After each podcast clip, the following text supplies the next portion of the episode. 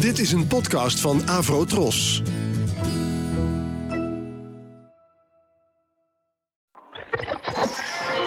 Ladies and gentlemen, The Fab Four. Fab Four. John, Paul, Fab Four. George, Ringo.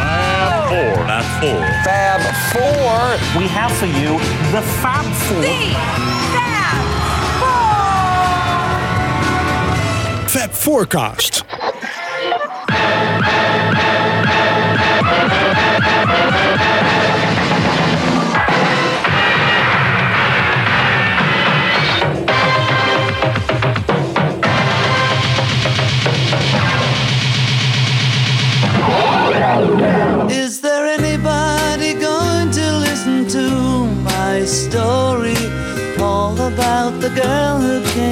Stay.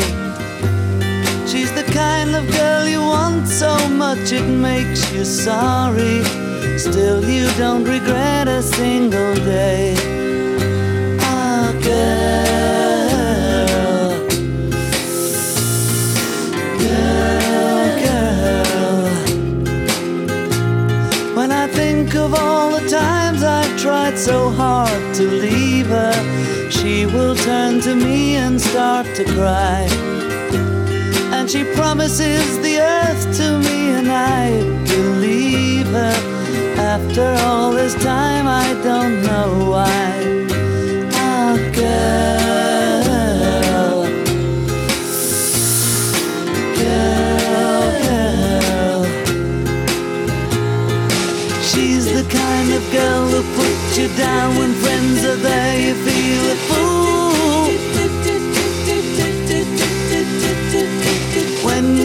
she's looking good, she acts as if it's understood. She's cool. Ooh, ooh, ooh, girl. Girl, girl. Was she told when she was young that pain would lead to pleasure? Did she understand it when they said that a man must break his back to earn his day of leisure? Will she still believe it when he's dead? Ah, girl.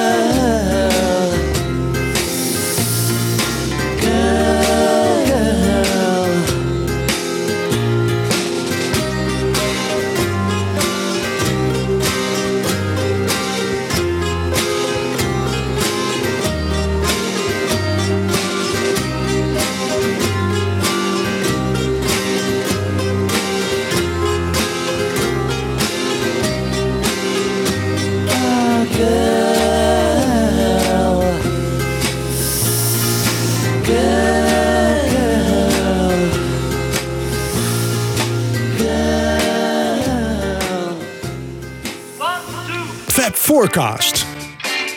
Hallo podcasters en welkom bij de eerste podcast na de vakantie. We zijn lekker uitgerust. We hebben weer zin in een heel nieuw seizoen met Beatles shows. Mijn naam is Wibo Dijksma en net als vorig seizoen zijn mijn companen wederom. Jan Kees Terbrugge. En Michiel Tjepma. ja, we draaiden net Girl in een eh, speciale versie die afkomstig is van de Love soundtrack. Eh, er zaten wat aparte geluidjes in eh, die niet in de normale versie zitten, zoals eh, bijvoorbeeld het And I Love Her gitaarriffje. En Girl is vandaag heel toepasselijk, omdat we vandaag een meisje te gast hebben. Een vrouw inmiddels, maar wij kennen haar nog als meisje uit de jaren 80. Ehm, stel jezelf even voor. Ik ben Simone Walraven. Simone Walraven. Nou, die kennen we natuurlijk allemaal als eh, de presentatrice van eh, eh, Countdown, het Veronica-programma uit de jaren 80. En ook nog een beetje van de film Donna Donna. Ja. Eh, je presenteerde het van 87 tot 88, eigenlijk helemaal niet zo heel lang. Nee, ik geloof iets van een jaar ongeveer. En ja, ja, in mijn herinnering is dat veel langer. Nou, ik was al langer bij het programma betrokken voor de concertagenda. En ik was ook de vaste vervangster van Adam Curry wanneer hij ooit eens op vakantie ging. Dus Ah, ja, kijk. Ja. Word je eigenlijk nog vaak herinnerd aan die tijd? eh? ja heel vaak. Ja? Ja, nee, het is echt een, eh, een heel groot deel van mijn leven, nog steeds. Nog steeds, ja. Ja. Want eh, mensen stappen gewoon op je af of zo. Van, ja. Hoe was het? Oh ja, oh Ja. het is ongelooflijk. Mensen hebben een goed geheugen voor dat soort dingen. En het was natuurlijk ook een ja, bijzondere tijd. Want weet je, toen waren er nog maar twee zenders.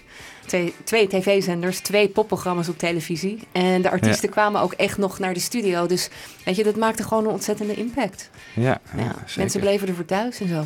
Ja. Ja, jullie, jullie waren toch een beetje echt de opvolgers van Top Op. Hè? Top Op was toen eigenlijk al eh tanende, maar jullie eh, waren echt hip. Jullie waren echt de, de number one in eh, Nederland hoor, eigenlijk, of niet? Ja, en het werd, het werd goed gemaakt. Ik eh, kijk af en toe nog wel eens terug. En het was natuurlijk al heel erg ethisch. Weet je, dat besef je niet als je in een, in een decennium zit. Dan weet Nee. Niet dat je ethisch aan het zijn bent. Maar dat was het natuurlijk wel. Maar het was een eh, heel fantastisch team mensen die dat programma maakten. Het was ook heel prettig om daar mee te werken. Ja. Ik, ik herinner me nog dat jij er in één keer mee ophield. Dat was groot nieuws. Ja, nou ja, goed. Zo kwam het natuurlijk wel over. Maar ik had natuurlijk zelf de beslissing al eerder genomen. Het was niet zoiets van wat ik van de ene op de andere dag besloot. Daar heb ik heel diep over nagedacht. En ben toen nog flink wat eh, maanden doorgegaan hoor. Zeker.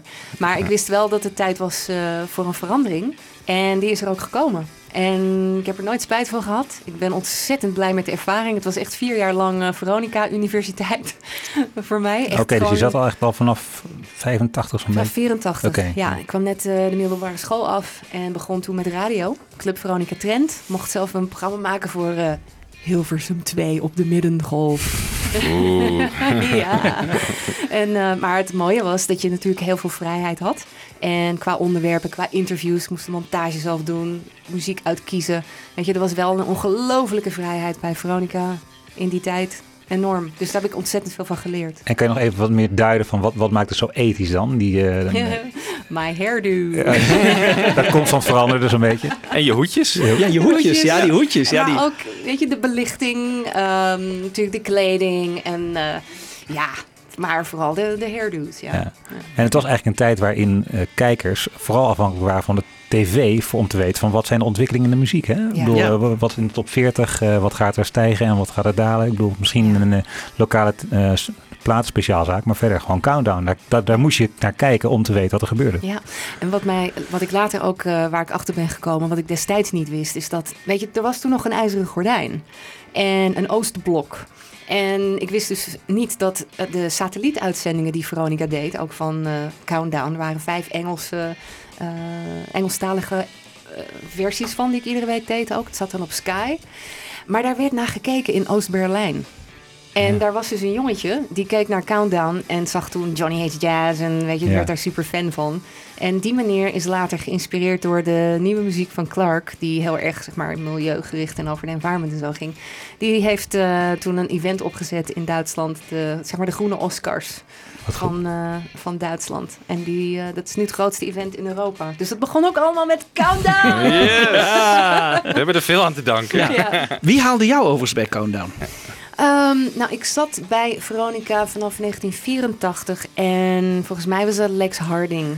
Ja. Ja, want Rob Oud heb ik één keer de handen mee geschud, maar verder nooit meer gezien. Nee? Nee, nee Lex was echt mijn eh, mentor. Ja, ja. Ja. en die was ook het, eh, het hoofd van, eh, van Countdown, dacht ik, hè? Ja. ja. Samen met Rob de Boer. klopt. Ja, Peter Adrichem zat Peter daar. Adrichem zat daar. Ja, Ja. ja. Fantastische producer. Ja. Ja, ja, ja, ja. Nou, hij haalde ook eh, geweldig al die grote artiesten hè, naar Nederland. Dat Oh, is ja. echt ongelooflijk. Wauw. Ja, Maar dat ook voor artiesten was het dus zo dat je, als je in Nederland wat wilde doen, dan moest je in Countdown zijn, neem ik aan. Want Ja. wa- Ja. was het inderdaad top op echt wel tanen? denk ja ik, hè? top op. Dat Ja. was al minder. Dat, dat, dat eh, speelde geen rol meer. Het was echt Countdown. Ja, Ja. ja, ja. Nou, straks verder met eh, Countdown. We gaan eerst even... eh, Simone is geboren op 9 september 66. En ik wil even van je weten eigenlijk... Ken jij jouw geboorteplaats? Ik laat even drie fragmentjes horen. Je kijken of je, of je hem weet. Blazing on a sunny afternoon. I see a red door and I want it painted black. We all live in a yellow submarine. Yellow submarine. Ja, geboorteplaat is dus de plaat die op één stond toen je werd geboren. Oh goodness. ah. Het is wel leuke muziek. Ja, Goed jaar. Ja, goed ja. Jeetje joh. Ehm, hm, hm, hm. Nou, het is niet al te moeilijk hoor. nee, Yellow. Submarine. Ja! Oh, nooit geweten. Wat leuk.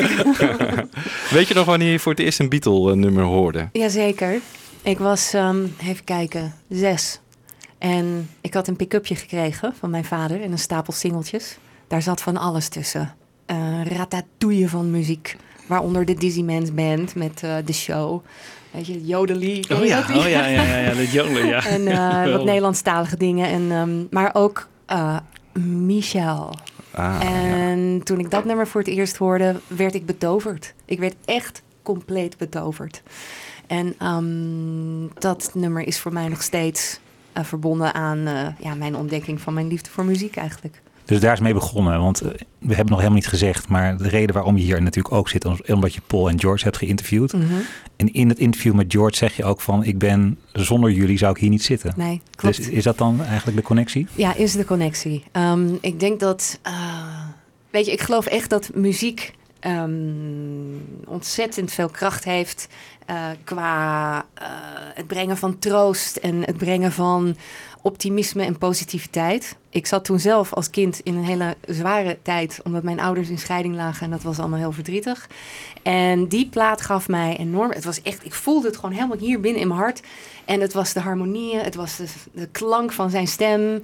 Eh, het is ook een heel simpel liedje eigenlijk. En Ja. ehm, het, was, het was iets voor mij waar ik me helemaal in kon, kon, kon niet verstoppen, maar eigenlijk eh, kon opbloeien. En het was veilig. En hoe hoorde je die plaat? Hadden je ouders die? Eh, nou, het was zat onder dat, eh, tussen dat stapel singeltjes. eh, wat ik zei, mijn eerste stapel singeltjes die ik kreeg van mijn vader. En ja, daar zat het gewoon opeens tussen.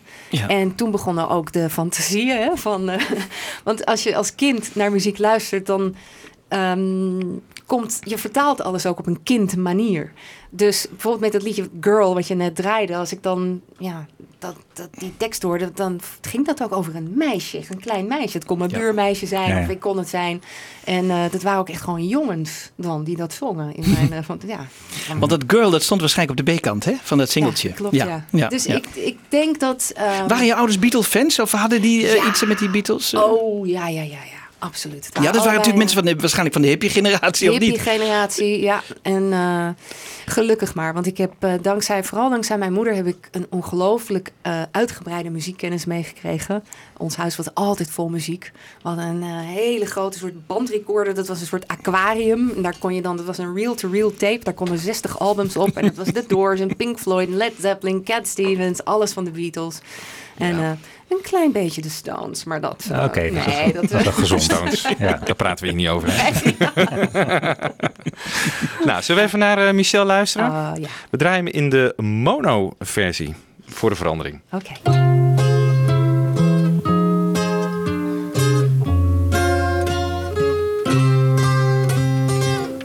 Michelle, my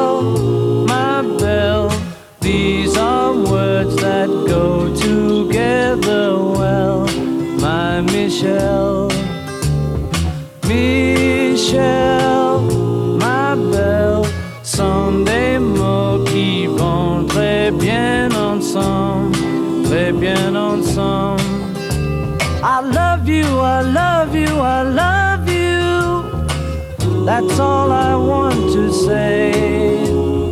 Until I find a way, Say the only words I know that you understand. Michel, ma belle, sont des mots qui vont très bien ensemble, très bien ensemble.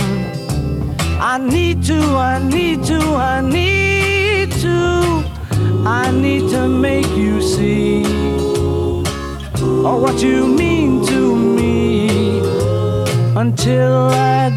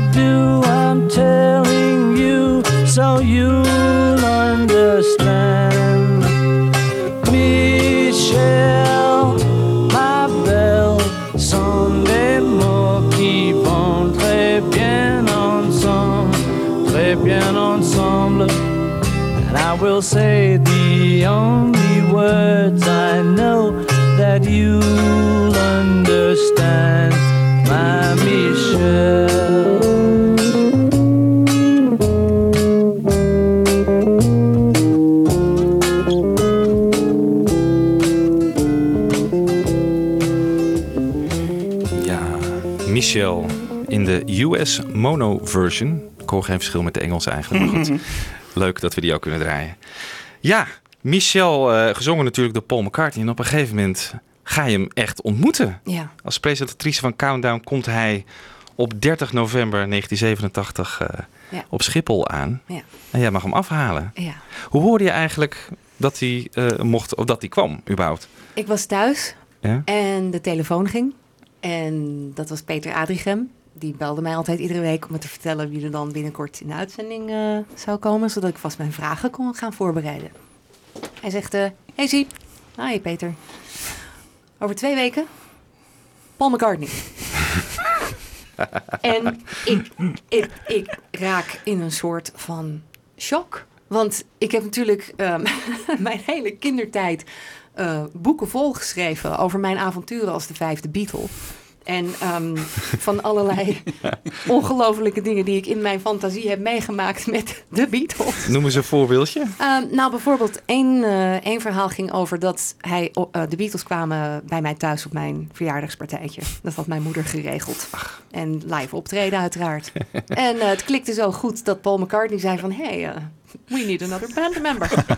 Come along. Hier de boeken on. niks over, jongens. ik heb dit ook allemaal aan Paul McCartney verteld toen ik hem eenmaal ontmoette. Oh, en eh, ja, en ehm, hij zei dat de enige andere die hij kende die dat ooit ook zo uitgebreid had eh, gedaan, was Michael Jackson. Oh, Die had ook Oh. zoiets, een geïllustreerd boek. Dat had ik dus ook. En ehm, toen gingen we op tour. En het vliegtuig moest een noodlanding maken boven in de Alpen op een besneeuwde berg. En iedereen was ongedeerd, maar we waren wel in een soort van flauwte. En gingen toen naar een lokaal hospitaal waar allemaal kinderen lagen. En toen werden we wakker. En toen wilden we iets liefs doen voor de kinderen. Dus we gingen daar ook live optreden. En zo ging het maar door. en jij zong dan mee? ik zong mee. Ja, ik was de leadzanger. Oh, leadzanger Ja, ja, ja. Dus En, eh, Lennon McCartney gewoon maar even backing vocals. nou, we hadden, eh, John Lennon hadden we vastgebonden. We hadden namelijk alle thema's. en dit was Cowboys Rijk en Indians. hè? Ja, zeker. Cowboys en Indians. En toen hadden we, eh, wij waren dan de, de Cowboys en John Lennon was een Indiaan. En die hadden we aan een totempaal vastgebonden. En toen kon hij dus niet meespelen, maar ook niet eens meezingen. Backing vocals of zo. Dus toen moest ik ook eh, gitaar spelen. Dus dat Ja, ging ja. ook allemaal van een leien dakje. dit, dit, en dit heb je allemaal Paul McCartney Dat heb ik verteld. allemaal Paul McCartney. En hij zegt van, oh, you should have brought it along. I would love to have seen that. Especially the Maar pictures. vertel even, want wie, he- wie heb je tot dan toe al geïnterviewd qua grote namen? Eh, Natuurlijk. bijvoorbeeld, oh gosh, zoveel. Dat is ja, nee, maar hij was wel de... de Hij was, ja nee, dit, dit was Ja, niet te van een andere- andere orde, ja. ik bedoel, je hebt het dan over mensen als George Michael, eh, Talk Talk, Boy George, ja, eh, Ja, ja. een beetje grote... de grote naam van die tijd. Hè? Ja, Ik bedoel, ja. Quincy ja. Jones zelfs. Dus, eh, dus ja, maar goed, Annie Lennox, wonderful people. Maar dit, dit was echt een, eh, ik, ik had echt zoiets van, ah, hoe ga ik dit doen? Hoe kan Ja. ik dit, dit, want het was, het was zo, ehm, ja, ik was echt in shock. Dus toen heb ik we hebben de telefoon opgehangen en had me dus de opdracht gegeven: ga vragen voorbereiden. Toen heb ik er heel veel voorbereid. Echt vaste lijsten van vragen. Daar werd heel erg in geknipt. En toen werd besloten om naar Schiphol te gaan om hem op te halen. Daar was ik ongeveer drie uur van tevoren. En ik ben nog nooit zo zenuwachtig geweest. Want ja, weet je, daar sta je dan toch opeens. Ik had een grote bos bloemen. En zijn privéjet landde. Ik zag hem landen zo. Trappetje eruit.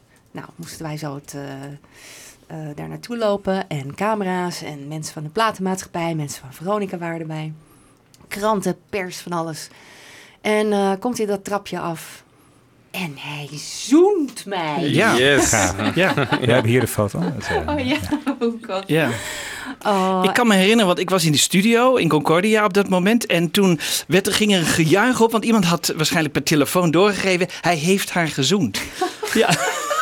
Dat was echt, ja, dat is echt ongelooflijk. Dus daar wachtte men op of zo. Dat was iets. Dat, dat was een hot item waarschijnlijk. dat is een heel hard uit. Ja, Ja. je krijgt er nog een kleur van. Ja, ja. maar Dat, dat moet toch een geweldig moment zijn Oh, het geweest. is ongelooflijk. Het is een van de mooiste momenten van mijn leven, echt. Want wat ook zo bijzonder was, weet je, het is een en al vriendelijkheid. Ja. En ehm, een mens. Ja. En toen kwam Linda ook naar buiten en... Weet je, ik heb natuurlijk over, over haar heel veel gelezen. Ik had allerlei Beatle-boeken ook helemaal uitgeplozen, jarenlang. Dus ik had ook heel veel over Linda gelezen. En ik wist hoe ontzettend belangrijk zij was in het leven van Paul. En ehm, ja, dus dat was ook iets heel bijzonders. Weet je, toch een, een heel bijzonder mens ook. En toen zijn zij naar de musea gegaan. Rijksmuseum, Van Gogh. Ja, Van Gogh enzovoort. Museum. Ja. Ja, Ja. en toen ehm, ging ik naar de studio en Concordia was helemaal vol van de beveiliging. Ja. Iedereen die daar naar binnen liep moest door een metaaldetector. En ja, daar was heel veel gedoe omheen. Ja, want het was voor een van de eerste keren eigenlijk dat hij weer een beetje in de openbaarheid kwam. Hè? En hij was heel erg bang eh, voor, voor aanslagen, nog altijd vanwege John Lennon. Op zijn landgoed had hij ook een hele hoge toren gebouwd en zo. Dat was echt in die tijd dat hij daar heel erg bang voor was. Ja. Dus eh, dat speelde bij jullie dus ook nog steeds een rol, ja. En hij had tien jaar lang geen persinterviews gedaan. Nee. Dat was de eerste. Dus mij werd ook echt verzocht door zijn manager van eh, Ja. Ja. go easy. Dat vind ik op zich wel apart, want ik kan, eh, ik heb eh, veel interviews van McCartney op YouTube gezien en zo. Er zijn ook uit de jaren 3, 84, 85 zijn er allemaal interviews, maar ah, voornamelijk in Engeland dan. En misschien niet in zo'n Oké. studio-context, hè? Dat je gewoon... Nee. dat Dan die- bij dat- Wogan heeft hij gezeten volgens mij, een Ja. paar dagen oh, dat daarvoor is toch zelfs wel een hele grote show. Ja, Mhm. ja. Maar op het eh, Europese vasteland zou het best kunnen dat het een van de eerste is geweest hoor. Maar Ja. Ja. ja, Paul was altijd wel eh, voor de promotie van, nou, Tug of War is natuurlijk in, die Ja. te- in de jaren 80, Pipes of Peace. Ja. Daar heeft hij allemaal wel. En er waren ook Pers echt voor eh, verzoeken van dingen waar hij het niet over wilde hebben. Zoals Ja. bijvoorbeeld John Lennon. Dus van, Oh ja. don't talk about John. Ja. Dus dat was gewoon nog steeds heel... Ja. Die heel- speelfilm Give My Regards, misschien mag er ook niet, of mag er wel over gesproken worden. Dat was... eh, Dat is ook nog geweest, ja. ja, dat lag ook gevoelig, hè? Ja. Dat weet ik. Dacht ook Nee. gevoelig. Ja. Oké. Nou ja. Zo heeft hij dat later ook gedaan. Hè? Als hij in 89 naar Nederland komt eh, en er zijn persconferenties, dan moesten alle journalisten ook van tevoren de vragen indienen. Ja. Ja, moest jij dat ook, Simone, eigenlijk of niet? Nee, Dat hoefde jij nee, niet. nee, maar het is wel helemaal doorgesproken met de productie en alles. Mm. Dus eh, ja, ik had, eh, ik had wel een paar dagen met hem kunnen praten. ja. 29 minuten is ook heel mooi. ja, 29 minuten, ja. Ja. Ja, Ja, is ongelooflijk. ja is hartstikke lang. Ja. Ja. Ja. Ja. Nou, laten we dan naar het interview eh, gaan. Eh 30 november 87 eh, vertelde ik net al. Ehm, het werd twee dagen later uitgezonden. Ehm, nou, zo begon het. Welcome, very much welcome, Paul McCartney. Thank you. Welcome to yourself. Oh, thanks a lot. Thank you. Thanks a lot. You're promoting your new album and your single, Once Upon a Long Ago Now. Yes. And I heard that uh, Holland is one of the few countries where you're going to do some promotion. Why Holland? Yeah. Why Holland? Yeah? It's a wonderful country and very flat, It is. easy to get around. And nice museums. Very good museums, yes. You visited them? Yes, I just, you did too, I hear. No, no, no. I mean, But I'm you got bored. museums, Yeah. You got bored. Yeah, that's true. Um, when you recorded your first uh, record, I was minus four. So for people of my age, music is, you know, they take music for granted, pop Yeah. music. But I assume that you were one of the people who started it. So to what music did you listen? Well, it wasn't me personally that started pop music, but um, yes, it's changed a little, you know, since we started it, but not really that much. Most people make up stories about stuff. It was, it was pretty much the same. Studios were like this. They had cameras then. Yeah. Yeah. Really? But to what music did you listen? To what music? Um, Just to uh, rock and roll. Chuck Berry, Fats Domino, uh, Elvis? Elvis, Little Richard, all the all the greats. And to what music do you listen now, nowadays? Elvis, Chuck Berry, Little Richard, Jerry oh, Lee oh, Lewis, God, no. Stevie Wonder. Yeah, I like many kinds of music. You know, Yeah. You too. me too. Yeah, That's great. terrible joke. And, and yeah, you like, like you too. UB40 and stuff like that? UB40, Simple Minds. Yeah, you too. I think is probably like a Yeah. favorite singer at the moment, Bono. Funny. Nou, funny. Hoe is dat nou om terug te luisteren? Oh gosh. ik krijg weer helemaal diezelfde emoties. oh, ik was zo zenuwachtig. Ja. Oh my gosh. Heb je het nog vaak teruggezien daarna eigenlijk? Eh, nee, niet zo vaak. Niet zo vaak. Nee, nee. Ik, ehm, ik heb het zelf op VHS, weet je. En eh, ik heb het toen eh, ja, na heel veel jaren weer uit storage gevist en laten digitaliseren. Dus eh, Ja. nu staat het ook op YouTube. Al heel lang. En net is het George Harrison interview vorig jaar ook weer eh, opgedoken. Daar ben ik wel heel blij mee. Daar had ik zelf geen interview van, maar geen opname van. Ik wil nog even teruggaan, want je hebt hem op Schiphol opgehaald. Eh, Je zegt, daar heb je gesproken over dat boek wat je had gemaakt had. Ehm, hoe ging dat? Want eh, ja, ben je samen in de limo naar, eh, naar Bussum gereden? Of hoe, nee, eh, nee, nee, ik ging eh, in een andere limo naar Bussen. het busje van Veronica. Veronica Busje, ja.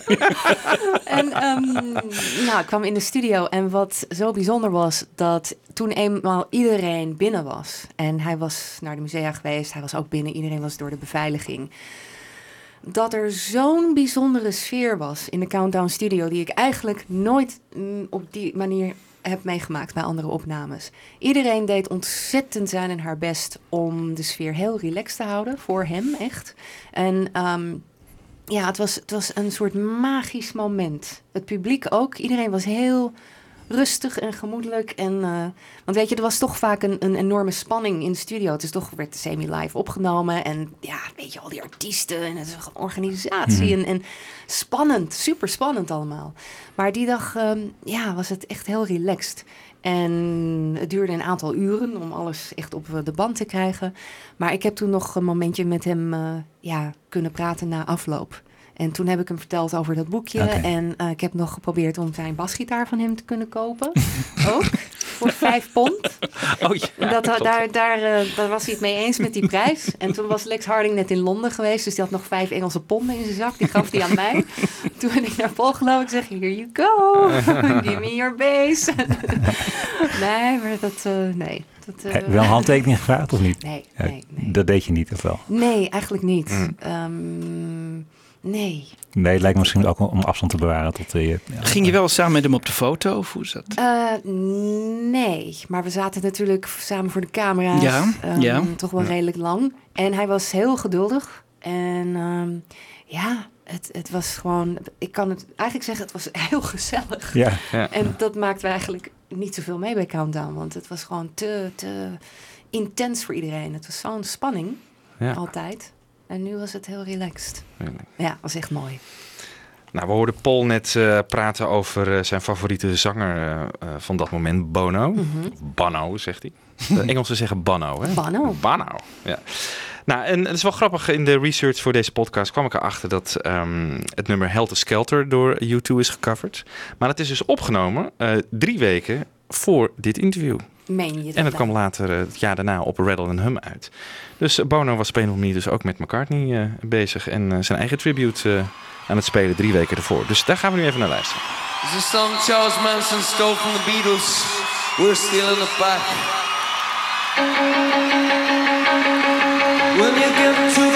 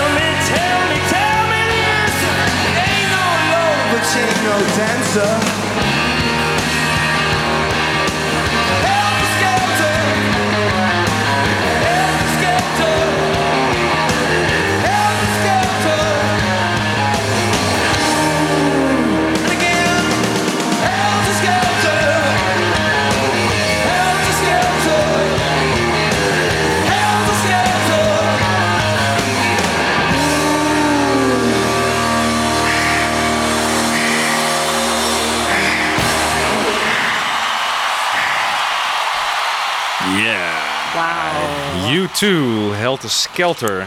Opgenomen op 8 november 1987 Ja. in Amerika. Ze- en Even een vraagje tussendoor, want jouw Engels is dan al heel goed. Later ga je in Engeland, maar toen nog was je dan. eh, hoe, hoe kwam je aan zo'n goede uitspraak? En, Oh, nou, dank je. Het, ehm, ik denk, ik was toen al een beetje samen met mijn vriend, man to be, Clark Ah, ja. Dus ik eh, sprak heel veel Engels, al eigenlijk iedere dag wel, zo'n beetje. Oh, heb je die nou via Countdown ontmoet? ja, Ja. oh ja, Want hij was natuurlijk zanger van Johnny Hates Jazz. voor de mensen ja. die het niet weten. Ja. ja. ja. Dat was een heel mooi moment in de make-up kamer. Oké. Ja. Nou, vertel. Nou, hij- ik, zat, eh, ik zat in de make-up kamer en hij liep langs. De deur stond open, hij liep langs. En ik had zoiets van, hmm. En toen liep hij weer achterstevoren terug. Terug. En hij had zoiets van, hmm. toen hebben we, die avond hebben we eh, eigenlijk de hele nacht doorgepraat over muziek. En eh, natuurlijk ook heel veel over eh, de Beatles, maar ook over Marvin Gaye en allerlei platen die ook niet bekend zijn via de hitlijst of zo. Maar ja, dus dat was ons meeting point. Leuk. Ja, Dus wat dat betreft is Countdown nog steeds natuurlijk... Ja, jullie zijn niet meer bij elkaar, maar jullie zijn, heb ik begrepen, ja. nog steeds wel hele goede... hele goede Vrienden, vrienden. ja. en we werken nog steeds samen, dus eh, Ja. En we spreken elkaar bijna iedere dag. Oh, Dus kijk. Nou, maar goed. ook wat betreft mijn Engels, ik wil even credit geven aan mijn eh, middelbare schoollerares Sibilla Westerweel. Pluimpje, zonder haar, was het ook. eh, ja, Ja. nee, dit heeft echt. Hoe vonden je ouders het dat je met dat soort mensen sprak als McCartney en later Harrison? En, of, Ja. of begonnen die er al aan te wennen, omdat jij zoveel bekende en grootheden uit de muziek. Ja, ik denk dat ze, eh, nou, vooral mijn moeder dan, want mijn vader zag ik niet meer zoveel in die tijd. Maar mijn moeder die had wel zoiets van, die was gewoon bezorgd, weet je, voor mij. Dat het allemaal goed ging met mij. En ik was een redelijke workaholic. En eh, daar weten jullie misschien ook iets van af. Heren. Ja hoor. En, Ja, als, het, als, het- als het natuurlijk leuk is wat je doet, dan, ja, dan, nee, joh, ja. dan, dan is het ook. Ja. Maar weet je, je bent natuurlijk jong en eh, ja, dan, dan, nu weet ik ook, omdat ik kinderen heb van die leeftijd, weet ik ook van ja, ze zijn bezig met dingen die ze heel erg leuk vinden, maar je bent natuurlijk altijd, gaat je zorgen in eerste instantie uit, van gaat het goed met ze? Echt Ja. goed op alle levels. Dus, en ja, Maar het ging goed met jou. eh, ja, het ging goed met mij, maar het was natuurlijk ook wel een, eh, een, een heftige periode. Omdat het. ehm, je kan niet even een dag vrij nemen van Simone Walraven van Countdown zijn. Eh, zeker in een tijd dat er maar twee televisienetten zijn. En weet je, dus het was, dat was een zware, een hele zware last die daarbij kwam. Van het werk vond ik ontzettend leuk om te doen. Maar de publiciteit en de bekendheid vond ik eh, heel zwaar. Dat was echt heel zwaar. Omdat je kan gewoon nergens heen zonder. eh, ja, Aangestaard te worden. ja. Ja. en weet je, de lieve, aardige mensen die, eh, die respecteren je, die, die laten je gewoon zijn. En dat zal, zullen mensen als McCartney en weet je, de lieve, leuke mensen die respecteren gewoon je privacy. Maar het zijn, eh, ja, andere dingen, andere soorten mensen die dan En is dat dan ook een reden geweest waarom je zo misschien maar zo kort dat hebt gedaan? Nou, ik heb wel toen eh, beseft van, nou, ik moet even afstand nemen hiervan. En ik had in eerste instantie iets van, nou, ik ga er een jaar pauze nemen en echt even heel goed nadenken over wat ik wil gaan doen met mijn leven. Want als je zo'n level of su- van succes hebt, ehm, en de Beatles hebben dat natuurlijk in miljoen Ja. keer zoveel meegemaakt qua wereldroem. Dan, ehm, dan komt er een punt dat je echt bij jezelf stil moet gaan staan. Want anders word je geleefd. En dat heb ik van hun ook begrepen, van, van McCartney begrepen en van George Harrison. Dat dat ook voor hun een Zeker van George, ja. Heel Die zwaar. vond het verschrikkelijk. Ja. Ja. Vooral vanaf Ja. 64 vond niet meer leuk. Nee. Ja. Nee. Ja. Nee. Dus dat begrijp ik nu met mijn. Ja. Ja. Ja, want ik heb begrepen later dat, eh, hè, dan dus verschenen wel eens artikelen, maar dat jij niet meer mak zo makkelijk toegankelijk was toen je één keer in Engeland Nee. zat. Je hebt er echt afstand van genomen. Hoe zat dat? Nou, omdat ik. ehm, ik had natuurlijk ook kindjes toen. Ik kreeg. ehm, even kijken, dat was twee jaar nadat ik bij Countdown wegging, werd ik moeder. En dan wil, dan wil je echt het allerliefste wat je wilt, is je kinderen groot kunnen brengen in, in peace. En eh, dat is gewoon heel moeilijk als je een bekendheid bent. Dus, ehm, maar weet je, het was ook gewoon de keuze van eh, ik kan hier blijven in, in Holland als eh, single mom. Want Clark woonde hier een tijdje met mij, eerst twee jaar. Maar toen zei, wilde hij terug naar Engeland. Dus toen was aan mij de keuze van eh, hier blijven en single of meegaan en gezin hebben. En ik was very in love. dus ik ben meegegaan en daar ben ik heel blij om. Want het was een groot avontuur. En natuurlijk ook, weet je, Engeland. Jeetje, ik bedoel, daar Ja. komen de Beatles vandaan. Dat Ja. is het eiland van muziek. Ja, dat is, ja, ja. Weet je, dat ga je toch ook niet afslaan, zo'n kans om daar dan te wonen. En, eh, maar dat was een interessante ervaring. En, eh, want ja, dan weet je ook opeens hoe het is om buitenlander te zijn. Want eh, ja, I was not British, Ja. weet je. Dus, Die blijft een beetje een buitenbeentje. Ja. dan, En jouw kinderen, zijn die Engels of Nederlands? Of hoe Die zijn, eh, die zijn het noordelijke halfrond van deze planeet bewoners. Zijn echt Europeanen of wat zijn het? Nou, ze, hebben- ze hebben natuurlijk heel veel ook tijd doorgebracht in Noord-Amerika. Oh. Dus het zijn echt allebei Europees en Noord-Amerikaans. Ja. Ja, ze voelen zich overal thuis. Nou ja, zo'n beetje wel, ja. Ja. Ja. Jongens, we gaan terug naar het interview. Ja. Met, eh, niet van dit interview, maar het interview met Paul. Ehm, op een gegeven moment eh, wordt de top 10 eh, besproken. Dat deed je, was dat standaard, met, Standaard. eh, met de Mhm. artiesten die er zaten? Ehm, jij vraagt Paul op een gegeven moment uit naar zijn favoriet uit die top 10. En dan eh, is dit zijn antwoord. What is the most talented one out of these? Out of them, I wouldn't dare to say, but I think George Harrison's got to uh, be in with a chance. Do you like what he's doing these days? His music? Yeah, it's good. I like it. Yeah. Do you play it at He's home? a friend of mine. Is he really? Yeah, I like him. Yes, he's very good for a young chap. How old is he now then? He's 42? younger than me, so this makes him infinitely young baby, just starting in the business. All right. He's a year younger than me. It's, an, it's a big difference. Yeah. I will have this seriously deep interview with you then in a Yes. moment, okay? Yes, Yeah. I will have one with you too. Oh, great. It's very good. All right, thank you. Weer dat, eh, al- wat McCartney altijd doet bij George. Hè? Zeggen van eh, my baby brother en he is eh, nine months younger. En dat doet hij dus hier ook. Ik moet wel zeggen, je Ja. slaagt er zelf in om een soort relaxe sfeer te, eh, te creëren. Door Ja. bijvoorbeeld zo'n zintje van zo'n seriously deep interview. Doe je dat bewust? Zo- Oh, ehm, ja, nou, nee, ja, nee, ja, Wat- nee, nee. Je kan natuurlijk ook een soort, eh, ja, alleen maar vraag van eh, naar, naar de bekende weg, zeg maar. En dit zijn, dit zijn een beetje een soort, ja, je krijgt een soort vertrouwde sfeer.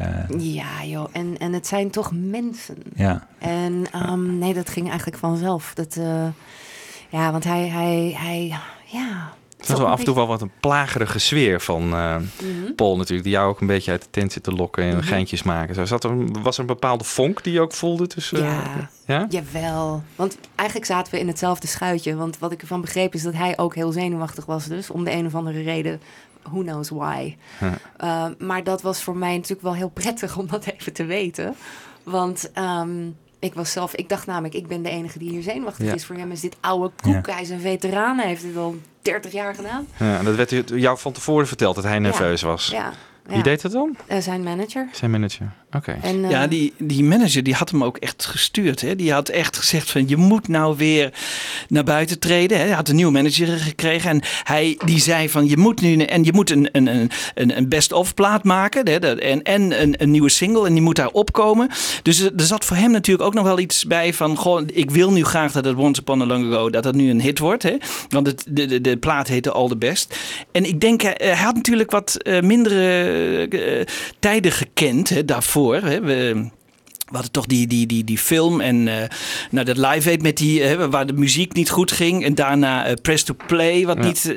hij heeft nog wat, wat muzie- muzikale dingen geprobeerd, maar het, het lukte allemaal niet zo veel. Dus eh, hij moest ook weer. En hij, wil, hij, wilde, de- hij wilde met een nieuwe band gaan beginnen. Dus er stond voor hem nog wel het een en ander weer op het spel. Dus ik denk dat het voor hem ook wel belangrijk was. En, en ik denk dat hij, het, dat hij het wel leuk vond, maar dat hij ook misschien, nou ja, echt nerveus, misschien zal hij niet geweest zijn, maar hij zal misschien wat gespannen zijn geweest. Ik denk dat het voor hem wel belangrijk Ja. was. Ja. Dat het allemaal goed ging allemaal in die tijd. Ja, want eh, Wat ja, ook interessant was voor mij, hij vertelde dus dat hij veel meer jaren in Wings heeft gezeten dan in de Beatles ooit. En dat dat Ja. voor hem in zijn persoonlijke leven dus een veel groter deel van zijn leven uitmaakt dan de Beatles ooit. En ik had Ja. daar eigenlijk nooit bij stilgestaan. Ja. Ja. Omdat de Beatles zo gigantisch groot zijn in hun aanwezigheid in de muziekgeschiedenis. En dan nu, hè, dan, die, die band waar hij nu mee speelt, daar eh, speelt hij een hele Ja. lange tijd mee. En met, met Wix geloof ik al 25 jaar of zo. Ja. Dus dat is echt ongelooflijk. Nou ja, dat is natuurlijk ook weer Paul die dat zegt. Want ehm, in 57 eh, begonnen de Quarrymen en in 70 gingen ze uit elkaar. Dus eh, eigenlijk vanaf het moment dat ze bekend werden, dat is inderdaad korter dan Wings bekend was. Ja, maar dat is waar. Hij dat is waar. langer Ja. bij de...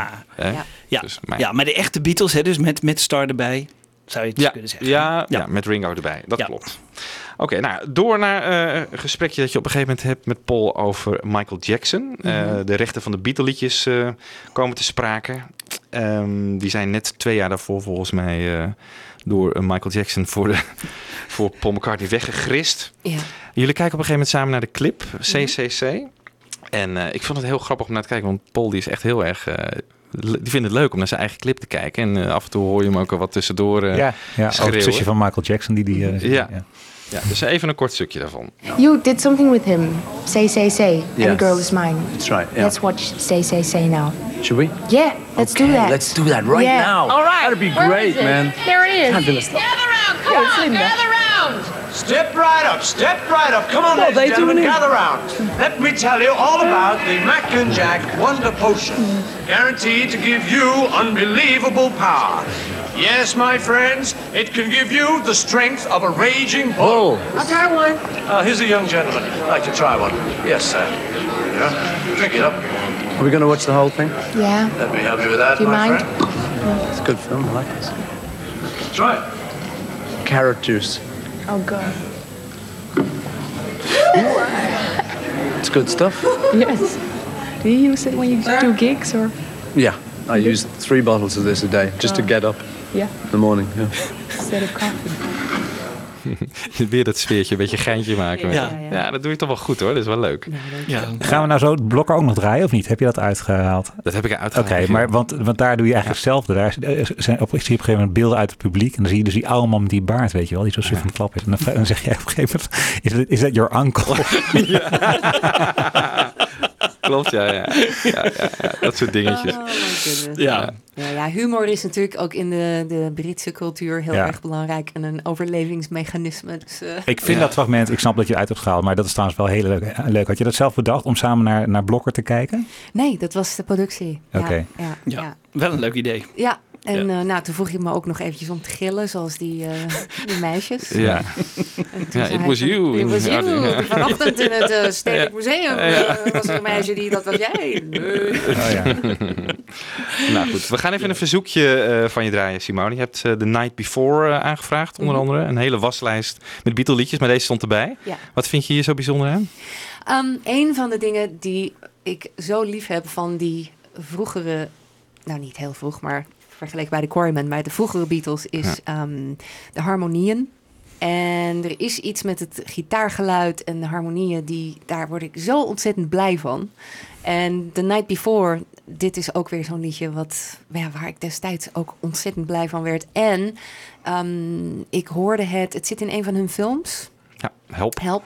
En die zag ik tijdens een Beatle-manifestatie in Utrecht. Toen was ik iets van acht jaar oud. En mijn verjaardagscadeau was om naar die Beatle-manifestatie te mogen. En ik was samen met een vriendinnetje gegaan. Die was ook Beatle-freak. En wij liepen daar als enige koters rond tussen alle eh, volwassenen. En alle films werden vertoond. Hard Day's Night, alles, alles, alles. Ja. En dat was dus een soort van Walhalla voor mij. en ik kan me herinneren dat dit nummer toen ook voorbij kwam in die film. En om ze ook echt te zien, weet je, in, in die film was zo bijzonder. Dus dat is ook een van mijn favoriete jeugdherinneringen. Leuk. Nou, we gaan hem draaien. De stereo mix uit 1965.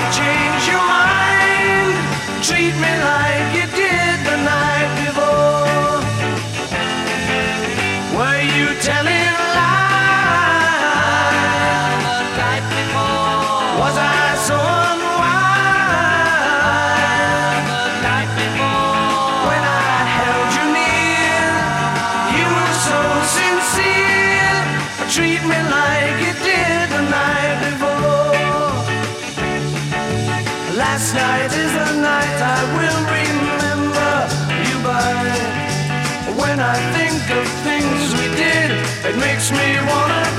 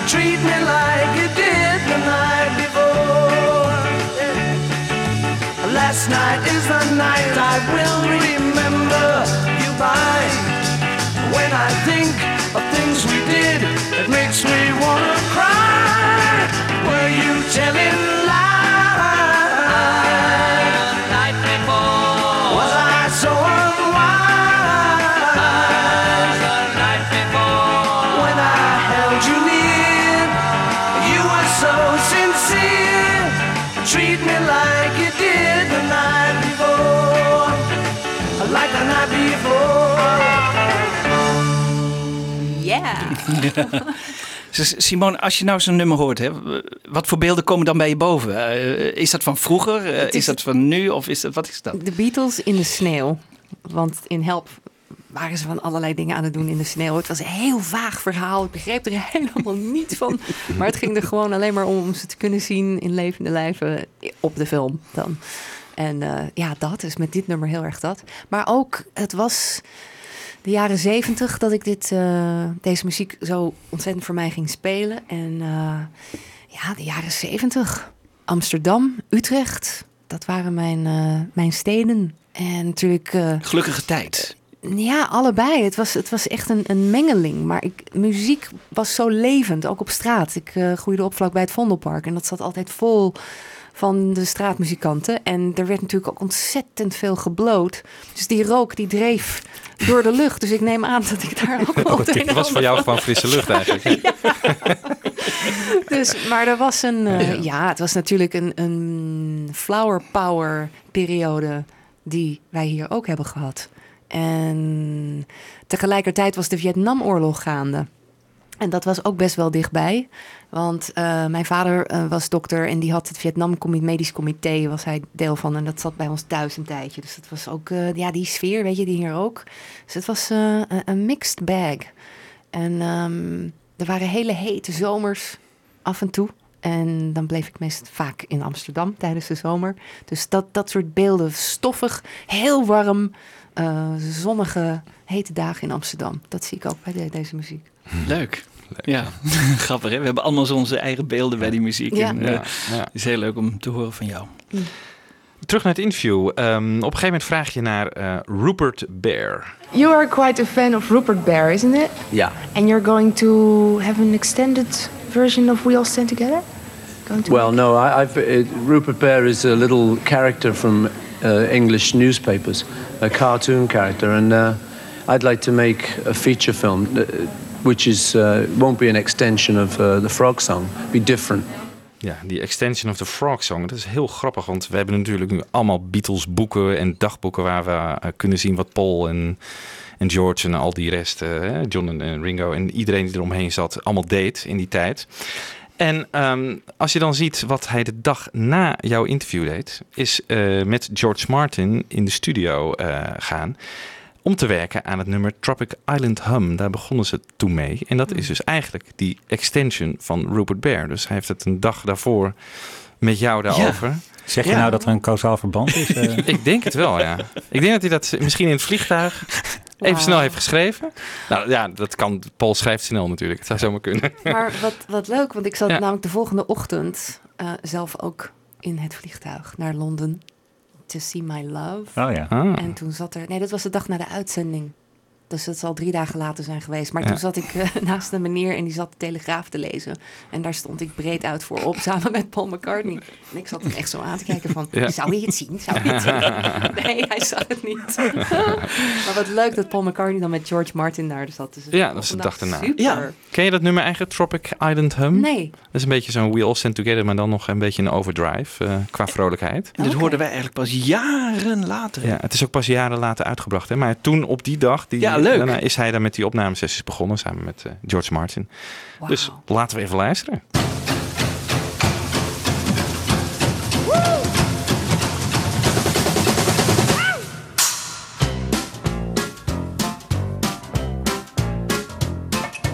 Welcome to our island. Glad you came to call. Now you've made yourself at home. You're welcome to us all. We are simple people. Why are we this way? This is what we always say. It's the way that we bungle the bongo. It's the way that we banging the big bass drum, the way that we singing a song of bass tropic island hum. Hum, hum, hum. Ooh, hum, hum, hum. Ooh, hum, hum, hum.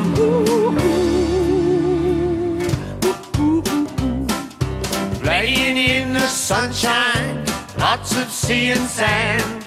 It's jolly nice in paradise. Lordy, ain't life grand? Everyone is happy, joining in the fun. Do it like we've always done. It's the way that we shake and the shake off. It's the way that we bang the big bass drum.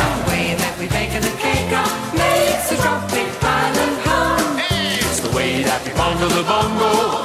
It's the way that we bang on the big bass drum. The way that we sing a song of major tropic island. Hum,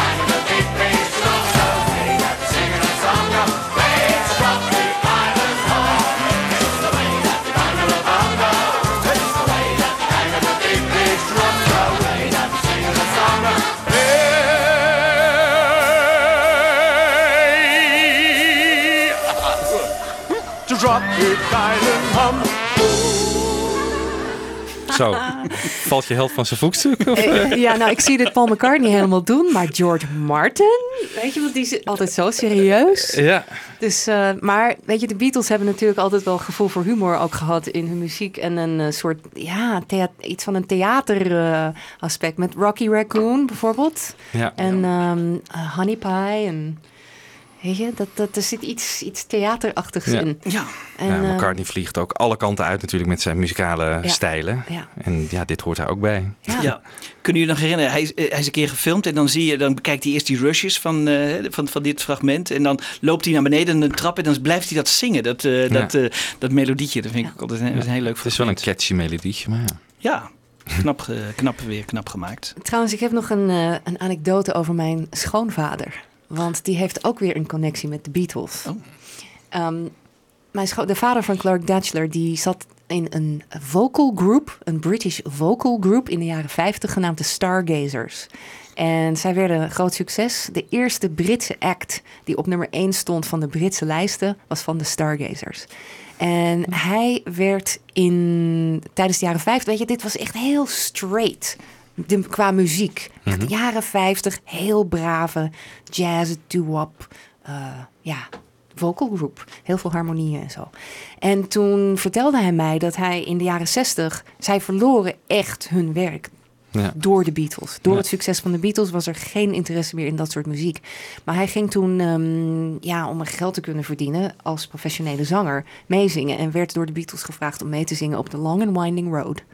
Hey. En I Am the Walrus. Oh. Wow, Ja. wat leuk. Cool. Yes. Wat leuk. Ja. Dus hij is in de studio geweest. Ja. En eh, heeft eh, waarschijnlijk eh, van de Beatles doorgekregen hoe hij het moest zingen, et cetera. Ja, als, als onderdeel van de Mike Sam's zingers. Ja, de Mike dan Sam een singers, die zijn bekend. Ja, ja, ja, ja. ja, ja, ja. Precies, ja, daar was hij ja. dan eh, onderdeel Ja. van. Ja. En, eh, maar dat is wel grappig, want met I'm the Walrus werden ze dus gevraagd om die hele bizarre Ja, achtergrond... koek, koek. Ja. Ja, you know, Everybody's got one. Zo. Wat leuk. Ja, ja. Maar Long and Winding Road was dan in dat koor dat Phil Spector later weer Precies. opgegooid is klopt. waarschijnlijk. Niet met de Beatles in de studio, denk Ja, ik. ja, ja. Ja. Klopt. Goh, bijzonder. Ja. Ja. ja, dit is toch wel leuk. Ja, dus hij had een, eh, een, een soort dubbel gevoel over de Beatles. Want aan de ene kant hadden ze zijn carrière. eh, nee. Maar wie kan nou zeggen dat hij hè, op een Beatle-plaat heeft meegezongen? Dat is toch ook iets heel bijzonders? Absoluut. Ja. ja. En dat vond hij, dat was een van zijn mooiste ervaringen ook. Wat leuk. Ja. Ehm, in het interview vraag je Paul op een gegeven moment eh, nog wat hij het liefste doet in zijn vrije tijd. En daaraan vastgeplakt eh, doen we nog weer een verzoekje van jou. Every night. I always try and keep writing, and I like singing and playing. Yeah. In fact, see, just, that's just a little singing. I thought I'd give you just a little example. Where did you get that volume? This the sound engineer just died. Good morning. There he is. You're alive then. I'll do that again. Oh God. No, Um, no. Then finally, um, new album. Um, I'm writing it at the moment, and I'll, I've recorded a couple of things, and so I should be finished with it next year sometime. And are you going to promote it then by touring? Yeah, I think so. Maybe you know. First of all, you've got to get an album, then you've got to get a band. Oh yeah, of Yes, course. it's, you've got to do that, and Yeah. um, so I'm looking around at the moment for people to play with and stuff. And uh, as I say, I'm writing the album, but it's, it feels good. I'm enjoying doing it. So maybe it'd be a good one. Okay. Well, if you come over, I will be there. I will be screaming loud. Will you be there screaming? Yes, I Let will. me hear you scream loud, please. Now? Yeah. okay, sound engineer, wake up. That's very good. It's very good. You can come. Fab Forecast.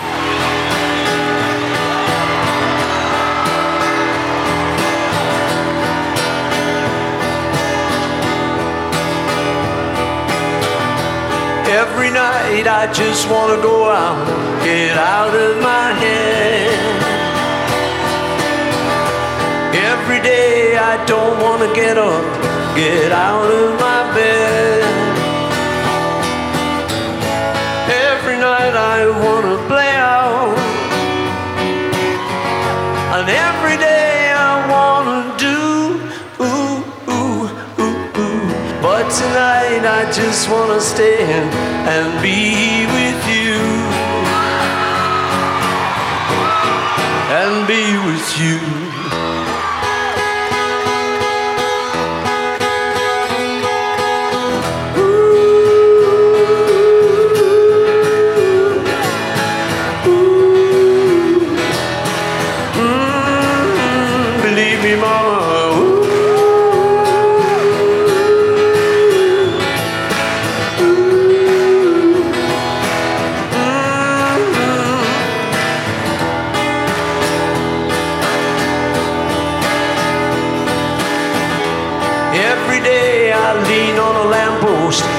Wasting my time.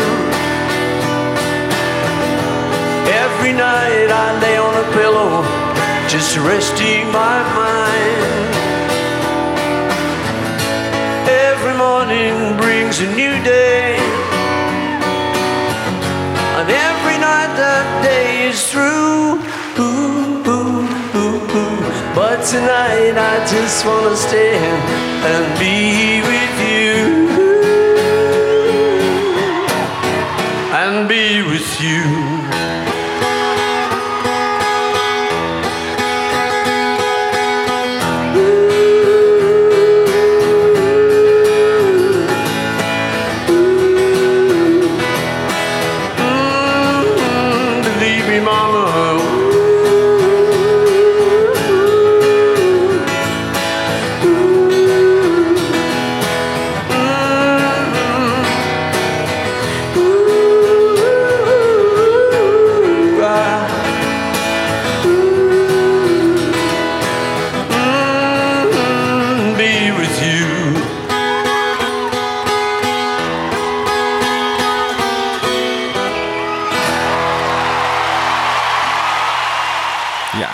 McCartney live in 2002 tijdens een tour door eh, Amerika van het album Back in the US.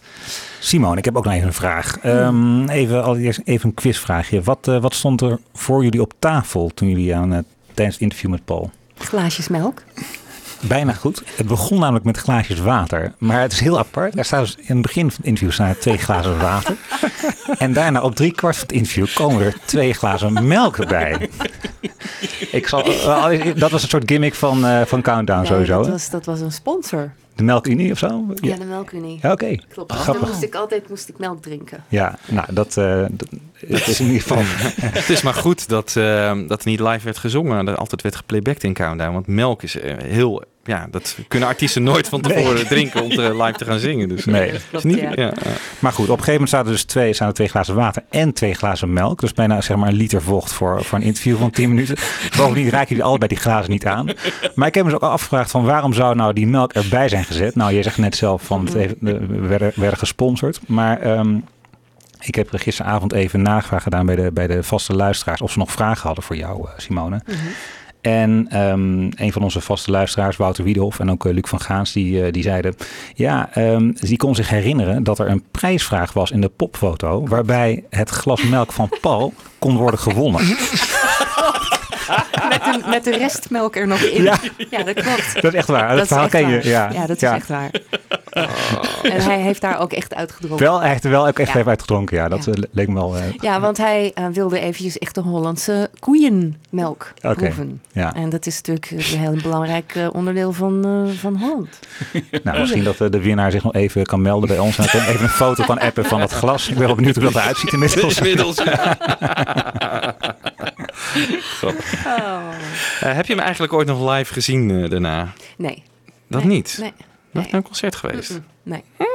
Nee. Dat is bijzonder. Nou ja, dan is hij knows? 72, dan moet je toch eigenlijk wel een keer er naartoe. Hè? Want Ja. je weet nooit, het kan iedere keer de laatste Ja, keer zijn. Maar... Nee, maar weet je wat het- interessant? Want ik ging toen na Countdown, dook ik echt de, de, ja, de backstage van de muziekindustrie in. Hè? Omdat ik natuurlijk getrouwd was met een singer-songwriter. En ik heb echt twintig jaar lang in studio's eh, gewerkt en gewoond.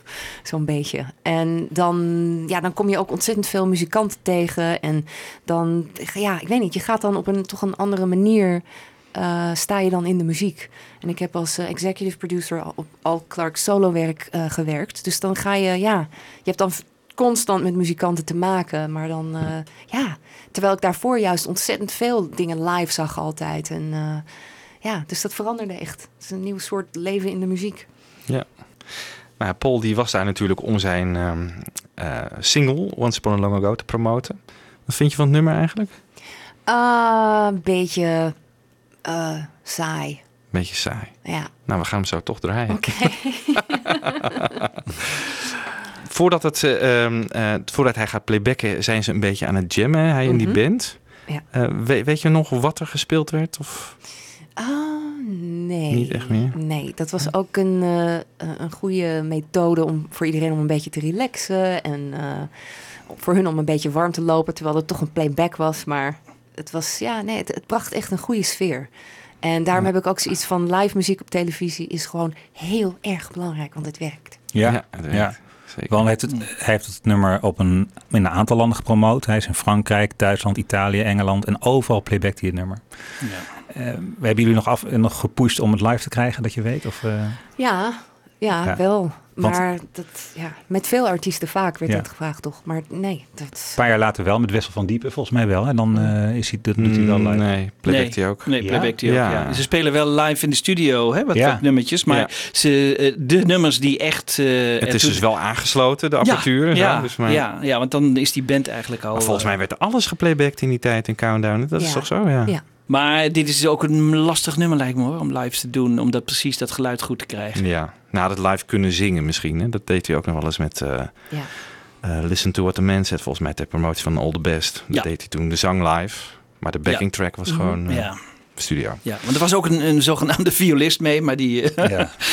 Hè? Maar dat, dat, stelde Dat was niet. Nigel Kennedy. Nee, dat was niet Nigel Kennedy. Dat, nee, eh, nee, die niet, de studioversie meespeelt. Nee. studio. Maar goed, die was ook te duur denk ik om mee te gaan. Ja, dat denk ik, ja. Nou ja, tijdens die jam, dat ze een beetje aan het jammen zijn met de band, onderbreek jij hem. En eh, ja, want het is nu echt tijd voor de playback, hè? Mhm. En dat klonk toen zo. McCartney, Yeah. it's yeah. time. It's time for some serious work now. So, uh, Oh, okay. huh? Yeah, we're ready. all right. Ready when you are. Once upon a long ago, then, huh? Yes, pretty good. Okay. Hello. Hi. Please.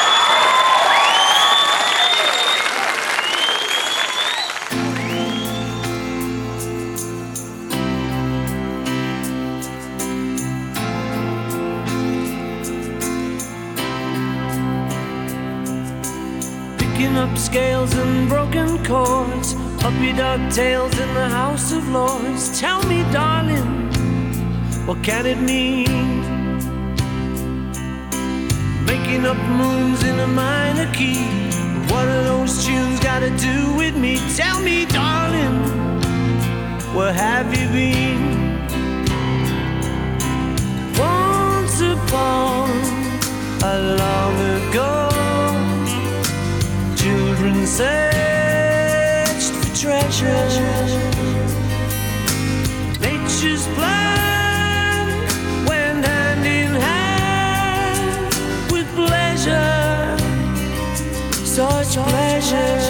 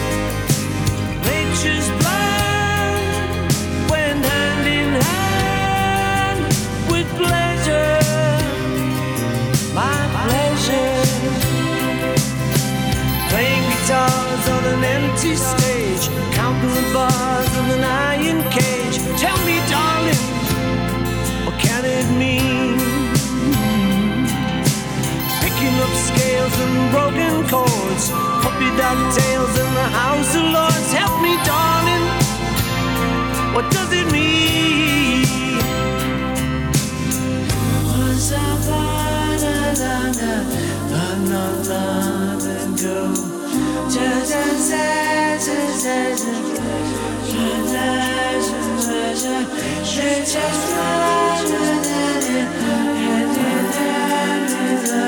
Once upon a long,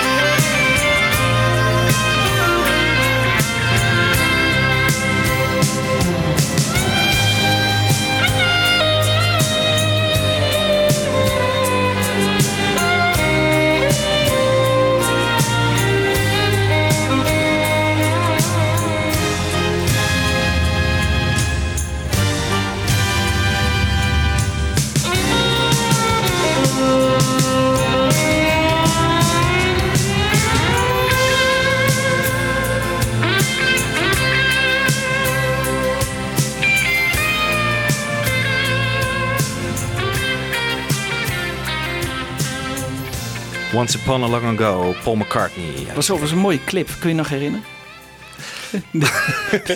nee, die, die clip die ze ja, erbij zeker. hebben gemaakt. eh, hè, Ja. die, op die... Op die eh, Bovenop die berg of zo. die berg. Ja, Nou, als je wat apart wil zien, dan moet je naar de Japanse eh, promo gaan kijken van Once Upon a Long Ago. Daar staat hij in een studio en daar begint het in de winter. En dan al na de gitaarsolo wordt het opeens zomer. Dan wordt het decor helemaal anders. En dan gaan we meisjes in bikinis opeens ronddansen. Het is echt totaal absurd. Maar goed, het- goed. Hey, maar Jan Kees, je hebt ook nog een, een verhaal natuurlijk. Want jij was er destijds bij Ja. in de studio Ja, Concordia. oh, erbij, Bij. dat eh, gedeeltelijk. Hè? Want ik eh, was samen met Jos Remmers, eh, Remmerswaal uit Den Haag, ook een enorme Beatle-fan. En wij dachten, nou, we hadden al gezeurd en we konden er niet naar binnen, want het was allemaal beveiligd en de, de kaartjes waren niet te krijgen eigenlijk. Ik had alles al geprobeerd. Ik werkte die tijd bij Veronica, dus ik was al bij Lex Harding naar binnen gelopen. Was, was, viel niet in goede aarde, nee, die wilde helemaal niks. Het was, iedereen was ook een beetje nerveus, want die McCartney die kwam en dat was toch, daar hing heel veel vanaf of zo. Ja, ik weet niet, dat was natuurlijk wel iets, eh, voor Countdown was dat ook wel heel belangrijk. Nou, dus dat ging allemaal niet. Dus eh, toen zei ik tegen eh, Jos, nou, als we nou 's ochtends vroeg, hè, dan gaan we al in, die studio en dan proberen we al stiekem naar binnen te gaan. Dus dat is ons gelukt. Er was nog geen, de deur was gewoon open. Hè. Je, kunt, liep, jij herinnert je wel, naar de zijkant en dat was die deur. En we liepen gewoon naar binnen en we zijn daar in die kleedkamer gaan kijken van McCartney. Er stond een kleed, hij had een eigen kleedkamer en de band, en de band had een eigen kleedkamer, kan ik me nog herinneren. En de, de, de, de instrumenten stonden er ook al, die waren al aangekomen. Dus dat was, die stonden daar achter dat toneel. Dus we hebben het allemaal bekeken en toen dachten we, ja, nu moeten we ons een beetje rustig houden en verbergen. Dus we zijn toen eh, in, de, in de kantine, had dus aan de zijkant het eh, had je een kantine. Daar hebben we heel lang gezeten en eh, net gedaan dat we erbij hoorden en een beetje zo zaten te praten. En toen hoorden we dus op een gegeven moment, ja, nee, Siep die zit nu op, op Schiphol, Ze- hij heeft haar gekust. Dus in die tijd was er, eh, was, had je nog geen mobiele telefoons, dus er was iemand waarschijnlijk vanaf Schiphol die had gebeld naar de studio. Het is, eh, ja, nee, dat was dus, het is gebeurd. Het is, nou, de- de- alsof, Het is hè, gebeurd. dus wij dachten, oh, daar zitten ze op te wachten. Dat is iets heel belangrijks. Nou, eh, iedereen geweldig. Nou, en toen gingen ze die poortjes oprichten. En toen kwamen die mensen van de beveiliging. En toen moest iedereen nog een keer apart door die poortjes. Toen moest je ook je naam. Nou ja, dus toen konden we het niet langer volhouden. Dus toen zijn we buiten gaan wachten. En we hadden wel een. een eh, ik had een LP bij, ze, bij me. En eh, hij, eh, Jos had geloof ik een boek van Vincent van Gogh bij zich. Want hij wist dat, dat hij groot van Gogh-fan, eh, liefhebber was. Dus die heeft een boek aan hem gegeven. En ik heb later dat, die, die LP nog gesigneerd. En Linda was ook aardig. Die maakte met iedereen praatjes hoe ze aankwamen. Kreeg van mensen bloemen. Was eigenlijk eh, was het ook heel erg leuk. Dus eh, hij was ontspannen en eh, maakte. Ik dacht dat er buiten een camera stond. Of was dat bij de tweede keer? Maar dat er een buiten een camera stond. En dat, dat er mensen nog even wat met hem spraken. Nou, en. Ja, eh, later hebben we natuurlijk op televisie gezien en dat was geweldig. Alleen al het feit dat McCartney natuurlijk hè, eh, echt eh, voor de tweede keer officieel, want hij was natuurlijk wel eens eerder in Nederland geweest, maar voor de tweede keer officieel dan echt in Nederland kwam en dan in Bussum en dan in Concordia en dan dus echt, dat kon je niet voorstellen. Dus dat was wel, ja, ja, ja, en dat hij ook apart. En we, ook werden we af en toe op de hoogte gehouden. Want hij zat dan in, in Amsterdam. Hè, en dan, hij is daar op een fiets nog een stukje gaan rijden, geloof ik, even zogenaamd eh, voor de, voor de foto. En hij is door de zijingang van, eh, van het Van Gogh Museum naar binnen gegaan. Heeft daar een aparte rondleiding gekregen door de directeur. Want eh, ik dacht op Pipes of Peace staat ook een, eh, een stoeltje wat weer gebaseerd is geloof ik op eh, Van Gogh. Enfin, hij is een grote Van Gogh liefhebber. Dus wij hielden het allemaal, eh, ja, nou, nou lettend in de gaten, maar we zijn er helaas niet bij geweest. De tweede keer ben ik er wel bij geweest, maar dat was twee jaar later. En eh, ja, het was natuurlijk wel iets heel bijzonders. Het was echt Ja. iets heel bijzonders. Ja. Ja, nou, wat ook heel bijzonder was, is dat echt amper drie maanden later eh, George Harrison natuurlijk langskomt. Ja. Wat, eh, hoe raar is dat om twee van je, Je jeugdhelden thuis. zo kort na elkaar te mogen interviewen? Ja. Ja, nou, weet je, het is natuurlijk wel als het een, eh, een kinderdroom van je is, jaren en jarenlang. weet Is het logisch? Dan, nou, weet je, dan als het moment dan ook daar is, niet dat Ja. ik met ze op tour ben geweest, maar het is, weet je, dat je dan zo'n ontmoeting plaatsvindt en dan ook nog George, dan denk je, ja, ik heb nu toch iets bereikt voor mezelf. En wat nu? Ja. Want het, is, het was echt heel belangrijk voor mij. Het was, ik kan, ik, ik, je begrijpt het. Het is, Ja. het Ja. is Ehm, maar met George was het zo'n andere ervaring. Het was totaal anders. Het, het- totaal verschillende mensen, totaal verschillende sfeer. Ehm, ik werd toen weer gebeld door Peter Adriaan van Heusdiep. Over twee weken. Twee weken. George Harrison. Yes, Verzin maar vast ja. En natuurlijk ook heel bijzonder, want ehm, ja, George is natuurlijk ook ja, de, de spirituele Beatle. En eh, dat fascineerde mij ook altijd heel erg. Van, van waar was hij dan naar op zoek? En eh, ja, dat waren ze natuurlijk allemaal wel tot op zekere hoogte. Maar hij was toch wel de meest eh, spirituele Beatle. Dus anyway, de dag was daar. En ehm, Clark en ik waren al vroeg in de Countdown Studio. En we waren in de kantine aan de zijkant. Het was een uur of twee smiddags en er was nog helemaal niemand. En eh, nou, wij stonden een beetje te praten en er komt opeens iemand binnenlopen. En die stevend op ons af. En staat opeens voor onze neus en die zegt... Hi, I'm George. Nou, geen beveiliging, helemaal niks. Geen bodyguards, helemaal geen poespas. Dus we hebben daar een half uur zitten praten. En heel relaxed. Broodje gegeten. En ehm, nou ja, toen ging hij... Kwam die vroeger dan, Hij kwam vroeg. Dan, kwam- dan verwacht? Ja. En ook, ja, weet je, het benaderde dan mensen ook zelf. En had daar niet iemand voor die dat eh, voor hem deed of zo. Dus dat, dat vond ik ook zo bijzonder. En nou goed, voor Clark natuurlijk ook te gek. Want eh, George kende namelijk Shattered Dreams en Turn Back the Clock en al die hits en zo. Dus we hebben ook een heel leuk gesprek gehad.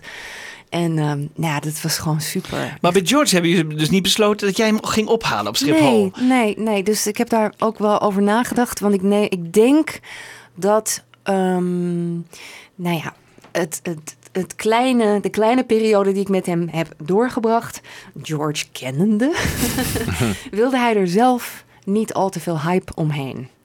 En had hij zelf zoiets van, nou weet je, ik kom gewoon naar de studio en we hebben een praatje en ik doe mijn ding en ik ga weer. En ook van ons gesprek, dat staat nu op YouTube. Weet je, krijg je ook heel erg die indruk. Zo van, eh, ja, Ja. you know, het is allemaal heel gemoedelijk. En eh, ja, heel, heel ander soort iemand. Ja. Heel ander soort persoonlijkheid. maar je vertelde, je zei net, het was heel anders. Waar, eh, waarin verschilde het met McCartney? Ehm, nou ja, in eerste instantie dus door, de, door het gebrek aan ehm, ja, poespas eromheen of zo. Maar ik denk ook omdat we dus al, de- al dat hadden meegemaakt met Paul. Weet je, dan komt hij in het kielzog van. Als George de eerste was geweest, dan had het misschien toch ook, was het anders geweest. Maar ik denk ook zeker dat het te maken heeft met wie hij was. En ehm, ja, als ik dat interview zie, dan pink ik ook wel weer even een traantje weg. Want eh, met die aanval die dus later op hem eh, Hmm. gepleegd is. En eh, je denkt iemand die zo lief is. En zoveel liefde wil, ook voor de aarde en voor de mensheid. En ja, ik word er nog steeds emotioneel van. Weet je, dat, dat was gewoon echt zijn spirit. En dan dat er zoiets gewelddadigs hem overkwam, is natuurlijk, ja, is gewoon heel, heel, heel sad. En, Ja. Maar hij, ja, hij is gewoon, hij was echt een ander, eh, ander iemand. En wat ik ook begreep is dat hij echt zes jaar lang dus een rustpauze had gehad. En helemaal eigenlijk geen muziek had gemaakt. En ja, terwijl Paul is er nooit mee opgehouden. Die, eh, die sto- stond toch ook heel anders in de hele ervaring, denk ik. Ja. Ja. Ja. Ja, echt geboren showman natuurlijk. En George is meer de, ja, eigenlijk het verkeerde vak gekozen een beetje. Want nou, ja, het, wij Mm. wilden wel graag gitaar spelen, maar al die adulatie die erbij kwam, Ja. dat was gewoon totaal niks voor hem. Maar toch heel erg belangrijk dat hij wel deel uitmaakte van zo'n super eh, populaire band. Want Ja. ja. hij heeft natuurlijk ook de aandacht kunnen richten op bepaalde dingen eh, qua spiritualiteit en Mhm. vrede en, en dingen. En ja, dat is toch wel heel erg belangrijk, denk ik. En dat mis ik soms bij Paul een klein beetje. Hij is natuurlijk wel heel, wat betreft zijn eh, eh, campagnes tegen animal cruelty. En hij en Linda hebben natuurlijk daar heel veel aan gedaan ook. Hè, van eh, daar aandacht op vestigen. Van hoe je eet en weet je, dat, Ja. hoe, hoe dieren behandeld worden en zo. Dus dat is wel heel erg belangrijk. Maar ja, het zijn gewoon twee heel verschillende mensen. Ja. Ja. Ja, George is eigenlijk ook een beetje een vreemde eend in de bijt van zijn popprogramma natuurlijk. Dat is Mhm. eigenlijk gek dat hij daar zo zit. Eh, en alleen al vind ik het legendarisch, het hele interview, eh, door het voorlezen van de top 10 door George Harrison. Laten we daar even naar luisteren. I would like to ask you to read us the Dutch top 10 first before we start the interview. Could you do that? I certainly will. Here we go. Dutch top 10. George Harrison, number one, with. Oh, sorry, no. George Michael, father figure. Climby Fisher, rise to the occasion. Number nine. Billy Ocean, get out of my dreams, get into my car. Hmm. Number seven, Crush, house arrest. It's exciting, this, isn't it? Number six, Paolo Conte, Max. Number five, Fun Fun, Hit Mix. Number four, Wet Wet Wet, Angel Eyes. Number three, Tiffany, I think we're alone now. Number two, Terence Trent D'Arby, Sign Your Name. And number one, Jennifer Warnes and Bill Medley, still at number one. I've had the time of my life from Dirty Dancing. It is. Do you know anything of, out of these top 10? Do you know the artist? Yeah, I know this uh, Bill Medley. Oh, yeah. We did a tour with them back in 1827 when he used to be in the Righteous Brothers. Yes. And I know George Michael. Uh, I met him, and I don't know anybody else though. ja, grappig. hè? Ja. Humor. Humor, ja zeker. Ja. Nou, op een gegeven moment gaat het gesprek verder en ehm, gaat het over de filmmaatschappij van George, Handmade Films. En twee jaar daarvoor eh, was de grootste flop van Handmade eh, gekomen? Shanghai Surprise. Mhm. En jij vraagt hem eh, er wat over. And you also made um, Shanghai Surprise. Shanghai or Surprise was one what of our lesser movies. Yeah, what happened with it? Well, we it was sort of like um, Mel Brooks' film The Producers, you know, where we got the wrong script, the wrong actors, and the wrong director. But as actors, you had Madonna and Sean Penn. That's what I mean, yeah. That's clear. but it was okay. It was, you know, it was uh, something that. It was an accident, really. We were going to not do the film, but the day before we decided not to do it, they phoned up and said she was going to be in it. So I thought, well, it may be okay. It was okay, really. It was a bit of a flop, but Mm. we learn by our mistakes. True, very true. It's good that you're so honest about Oh it. yeah, I don't mind. You know, every hit you have, you have a flop. Yeah.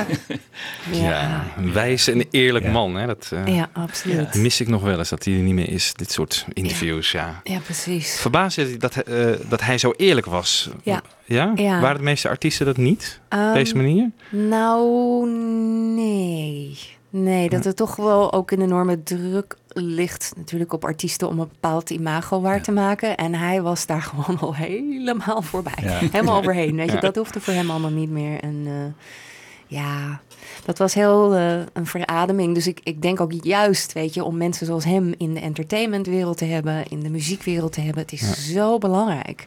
En vooral als je gewoon ziet wat er eh, nu ook met de aarde aan de hand is. En dat we echt met z'n allen als, als mensheid een nieuw soort ja, perspectief op het, op het leven eh, moeten gaan krijgen om het allemaal te gaan redden. En hij was daar natuurlijk ook al mee bezig toen, in de 60s en de hele ja, de hippie-tijd. Maar eh, ja, daar zijn wij natuurlijk wel ook uit voortgekomen. En ik denk dat het juist zo, zo'n kracht is als een artiest open en eerlijk is daarover. En eh, ja, niet zozeer die hype Nee. hoeft. Nou ja, over eerlijkheid gesproken. Jij refereert op een gegeven moment aan het bezoek van eh, Paul McCartney, drie maanden daarvoor. Ja. Eh, interessant is dat er in de tussentijd, eh, tussen dat interview van Paul en het interview van George, iets is voorgevallen. Want op 20 januari 1988 eh, besluit Paul niet naar de Rock and Roll Hall of Fame ceremonie van de Beatles te gaan. om business reasons, zogenaamd. Ja. En op een gegeven moment wordt George Harrison, nou, volgens mij een paar weken voor het interview met jou, op de Australische tv gevraagd naar waarom Paul er niet kwam. En hij is bijzonder openhartig. En dat zijn iets van drie minuten. Maar ik ga ze helemaal draaien, want het is gewoon fascinerend wat hij allemaal eh, aan eerlijkheid eh, vertelt. We had the uh, the Hall of Fame, the reunion of you and Ringo there, and and Paul McCartney didn't turn up for that one, and he was he sent a telegram saying that he thought it was a fake reunion and he'd feel like a hypocrite going. Well, unfortunately, you know, Paul is a hypocrite sometimes when, uh, you know, because right before we had that uh, Hall of Fame thing, we were, you know, I, we'd not been friends for a number of years and we spent a long time really getting to know each other again.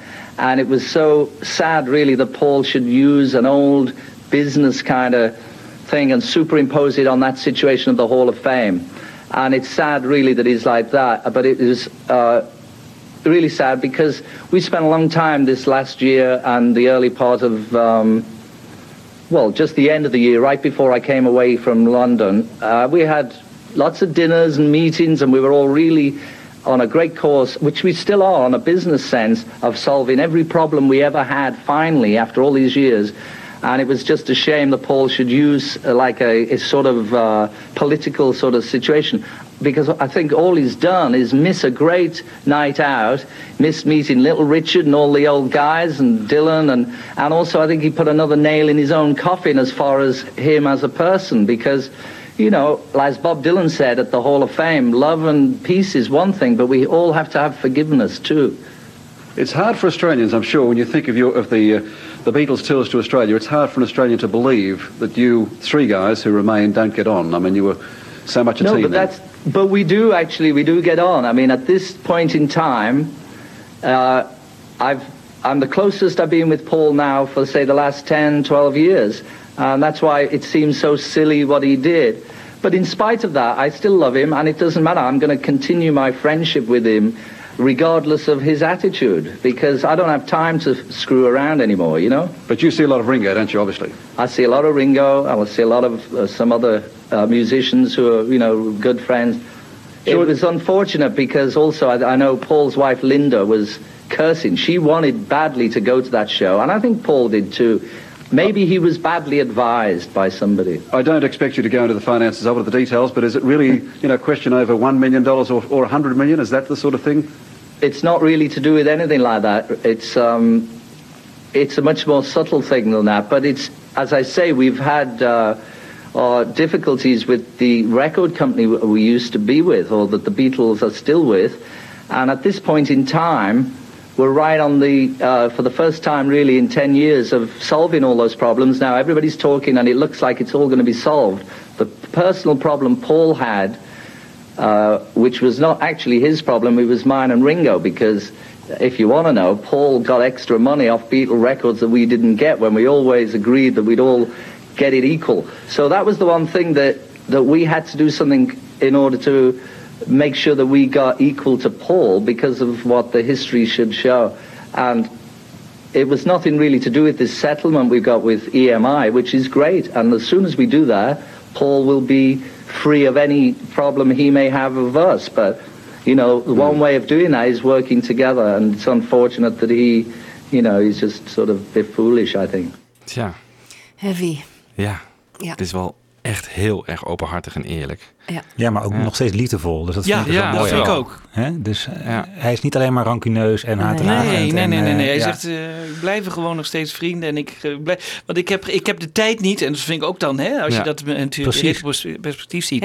Hè, dat, hij heeft natuurlijk helemaal niet meer zoveel jaren, maar dat weet hij dan natuurlijk niet. Maar hè, om, om dat soort ruzies eh, te maken, dat Ja. vind ik, ik vind hem Ja, heel... dat heeft hij genoeg gedaan met Paul natuurlijk in de jaren zeventig. Ja. Wat dat Ja. betreft, eh, die tijd is voorbij. Ja. Dat doen we niet meer. Ja, ik vind het heel mooi. Maar ook voor Paul zijn PR is het allemaal geen slimme zet geweest. Nee, of nee, Fame, want nee. eh, het keert als een boemerang terug eh, Ja. dat, hij, dat hij het een fake reunion noemt. En Ja. inderdaad, iemand als George gaat dan gewoon eh, open kaart spelen. Die zegt wel even hoe de, hoe de vork in de steel zit. En, ja. ja, maar dit, hij doet het op een hele, hele mooie, subtiele wijze eigenlijk. Ja. Ja. Wist jij dit eigenlijk voordat je de voorbereiding van je interview begon? Niet deze details, maar ik wist wel dat er een enorme hoeveelheid pijn rond dit onderwerp zat. Ja. En dat was ook wel duidelijk in mijn gesprek met George. Weet je, dat zit Ja. er gewoon nog steeds. En ja, ik, kan, ik, ik begrijp het ook nu wel beter, omdat ik zelf natuurlijk ook inzage heb gehad in wat gebeurt er met mensen als ze echt ontzettend veel succes krijgen opeens en nog heel jong zijn. Ja. En dus ook een beetje naïef.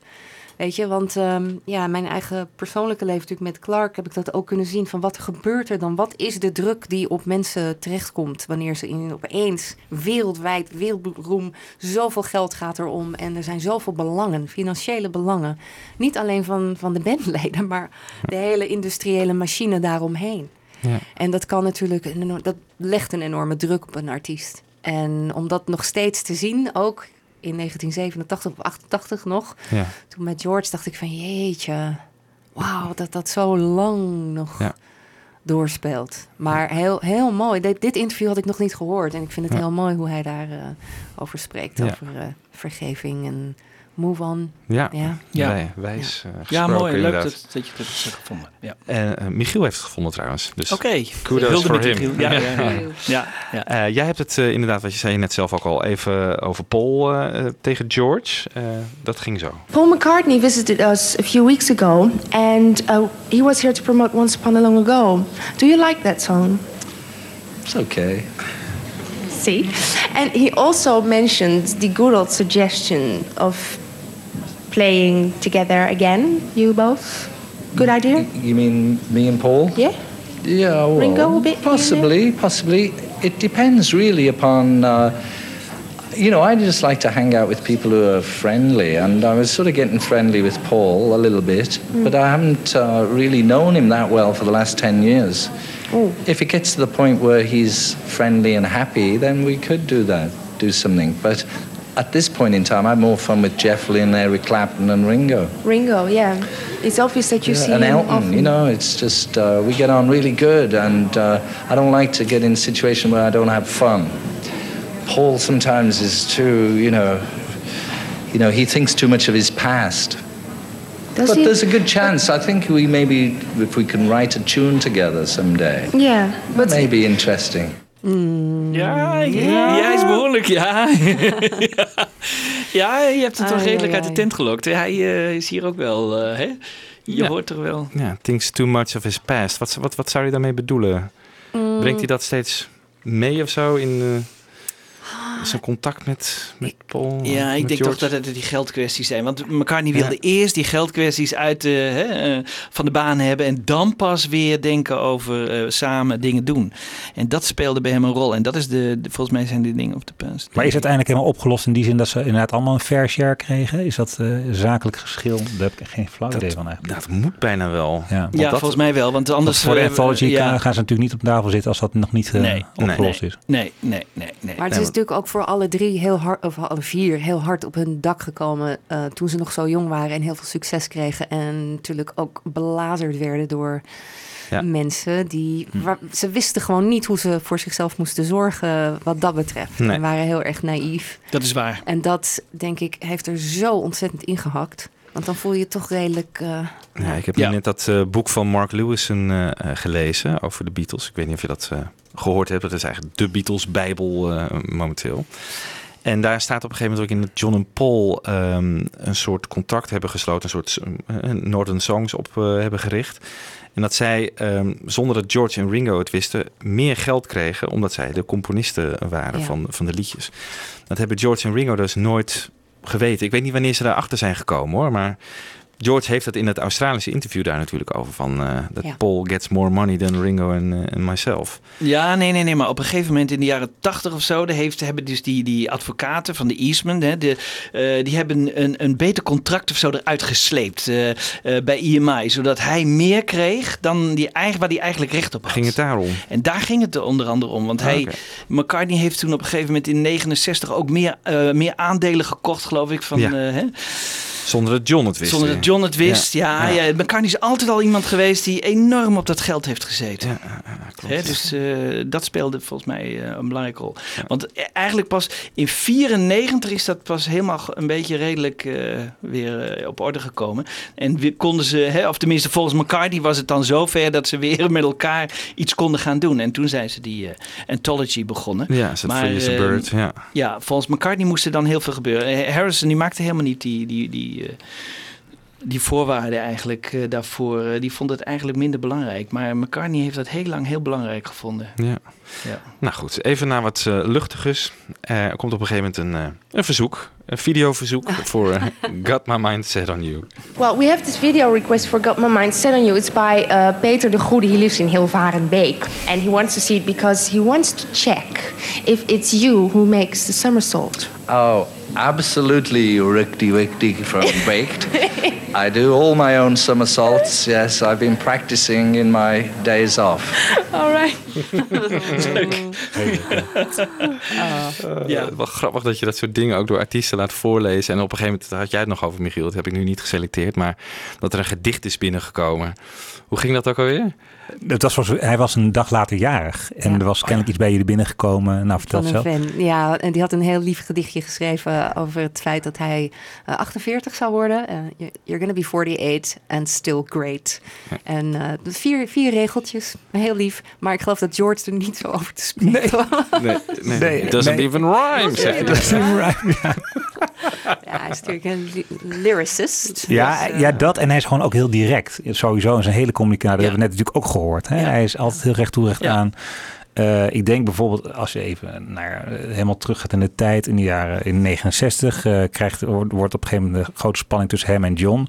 Omdat eh, George op een gegeven moment iets heel naars over Yoko heeft gezegd in het bijzijn van John. En zo was hij gewoon. Hè? Heel erg upfront en eh, ja, gewoon don't beat around the bush. En dat, dus maar zelfs met het publiek dat je adoreert, dat vind ik nog wel even een stap eh, verder. Maar hij brengt het dan wel weer zo charmant Ja. dat het grappig is. Dus Ja. dat hij niemand eh, dat, voor de schenen trapt of zo. Nee. Ja. Ehm, ik heb zelf bij het interview, als ik dat terugzie, een beetje eh, gevoel af en toe. Je refereerde net ook al een beetje aan dat af en toe wat ongemakkelijk was. Er vallen wat stiltes. Mhm. en, en heel anders dan met Paul. Je probeert zelfs af en toe de stemming er een beetje eh, in Ja. te houden. Had je dat gevoel? Ja, dat zelf? had ik Ja. ook. Ja, absoluut. Ja. Ja. het was een beetje touwtrekken Ja. bij, eh, bij George. Ja, maar ik denk ook omdat, ehm, ja, wat ik al eerder zei, weet je, dat hij gewoon niet zo, oh, hoe zeg je dat nou, thrive. Eh, de publiciteit en al, al dat soort dingen eromheen, dat is Ja. voor hem, ja, dat, dat vindt hij eigenlijk. Maar ja, oké, ik doe het wel even omdat het moet of zo. Maar hij Ja. heeft er niet zoveel plezier Dat is dit in. ook geweest, ja. was, klaar. was, hij, eh, Ja. was hij anders toen je hem smiddag sprak, hè? In, in die kantine, dan toen de camera's gingen ja, lopen? eigenlijk wel. Gewoon meer relaxed en ehm, ja, meer muzikanten onder elkaar natuurlijk ook een beetje, omdat eh, Clark erbij zat. En het was gewoon, ja, het was relaxed. Ik denk zodra die camera's aangingen, dat hij gewoon zoiets had van, ja.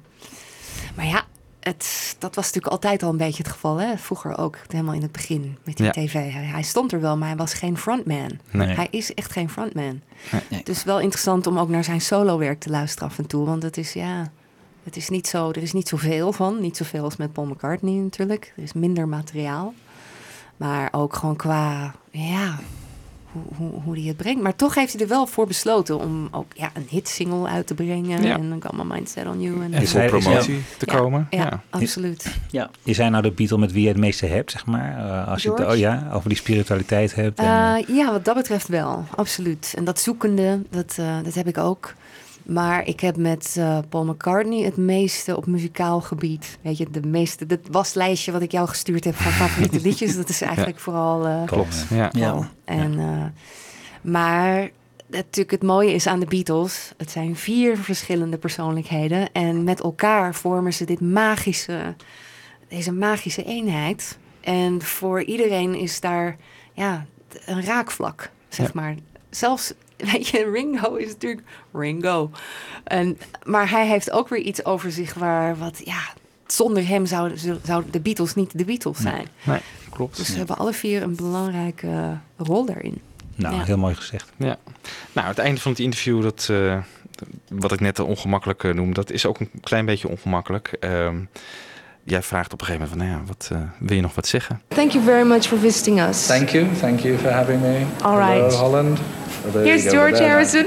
Do you want to say anything else to the... Oh, just hello. Thank you very much. All right. Here's George Harrison and when we was fab. Back then, long time ago, when grass was green. Woke up in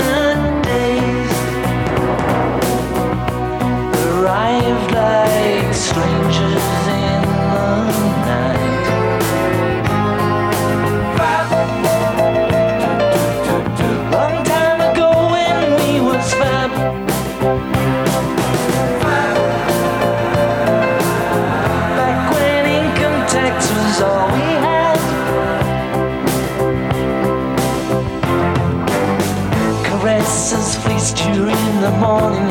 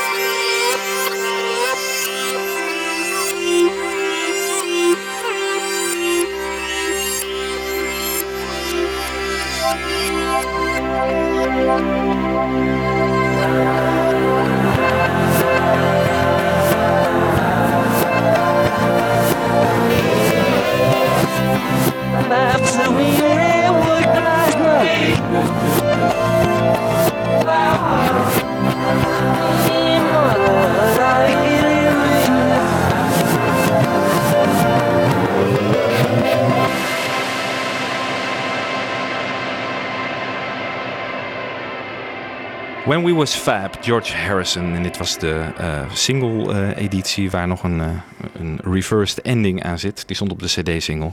Hebben we toch weer onze speciale versie te pakken, Michiel? Ja, mooi. Shit.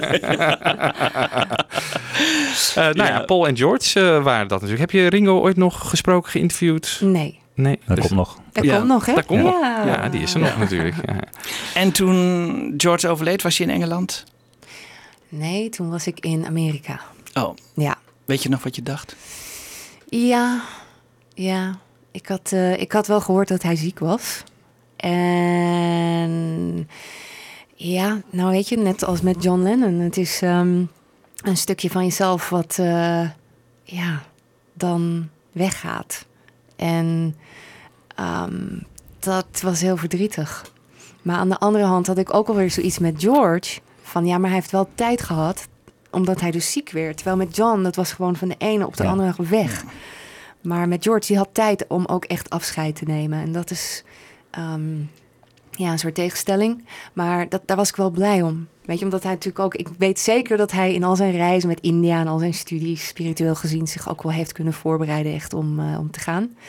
Maar het idiote is dat het niet voelt alsof hij er niet meer is. Hm. Dat vind ik ook... Dat komt natuurlijk ook door de muziek. Ja. Ehm, maar als ik dat ook dat interview weer zie, dan denk ik van... Ja, nee, het is... He's not gone. Nee. Ja. En jij Ja. was erbij. Jij was erbij, ja. Ja. Dat lijkt me toch wel heel gek. Dat Ja. je zo iemand dan hebt geïnterviewd en Ja, heel mooi. toch een dag mooi. mee hebt doorgebracht. Ja, Ja, ja, heel bijzonder. Ik ben heel dankbaar. Ja. Ja. Echt. Hoe kijk je er nou op terug op die twee interviews? Eh, Eh, het, is een, het is een enorm wonder dat het gebeurd is. Het heeft me echt aan het denken gezet ook dat als je, ja, als je dingen, als je durft te fantaseren over dingen. En iemand anders die dit ook beaamt, is iemand die ik net onlangs geïnterviewd heb, Ruud Koornstra, de ondernemer van Tendris, met de ledverlichting en zo. En die, die zegt ook van, als je durft te fantaseren ergens over, dan daar begint alles mee. Al, iedere uitvinding die ooit gedaan is, ieder liedje wat ooit geschreven is, alles is, begon met een fantasie ergens over. En ehm, dit was wel de bewijs, het bewijs van die stelling voor ja, mij. ja, ja. Dat, ehm, dat dat ook echt kan. Dus ik denk ook zeker met wat betreft onze wereld... dat eh, als George hier nu zou zitten... dan zou hij misschien ook iets zeggen van... ja, just... You've just got to imagine a better world and it will be. Ja, ja, ja, ja. Nou, en het begon bij jou eigenlijk allemaal met die fantasieën over de Beatles. Ja, en ze zelf te ontmoeten en te kennen en te kunnen plagen. En eh, ja, cowboys en Indians. Ja, leuk. Vertel nog even tot slot, Simone, wat je, wat je nu doet. Want eh, volgens mij zijn we eigenlijk collega's van elkaar. Hè? Je zit ook op de. Afro eh, Potpourri stream. Zit jij ook eh, met je programma Simone Songlines. Ja, ik maak een reizend programma. Eh, Simone Songlines, twee uur, vrijdagavond, Radio 2 van 11 tot 1.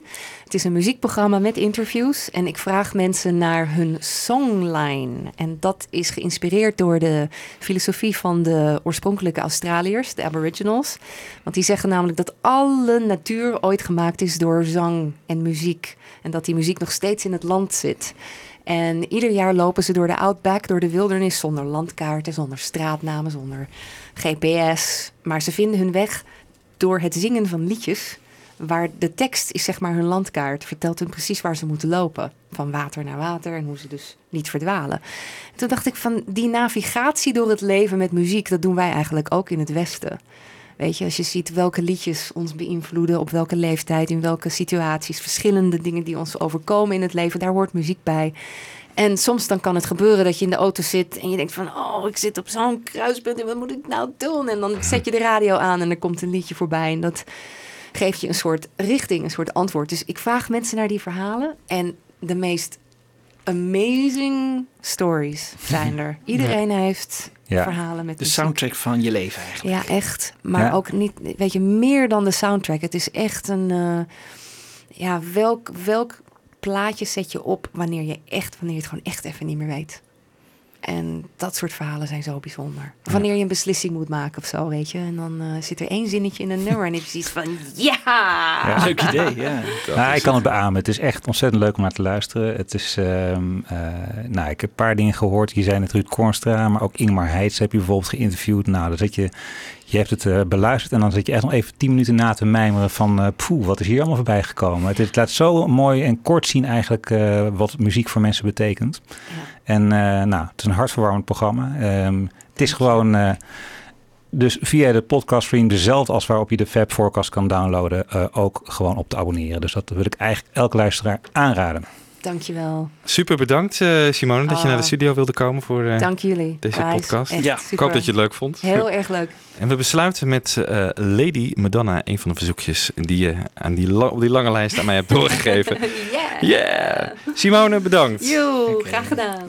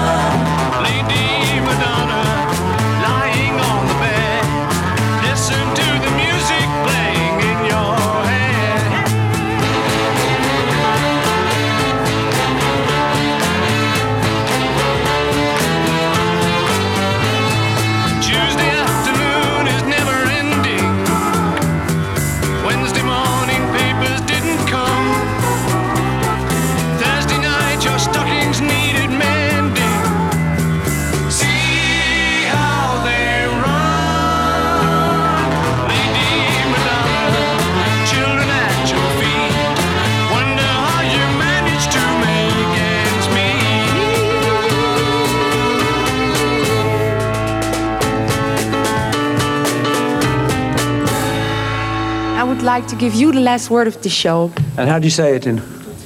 Totsinsk! Fab Forecast.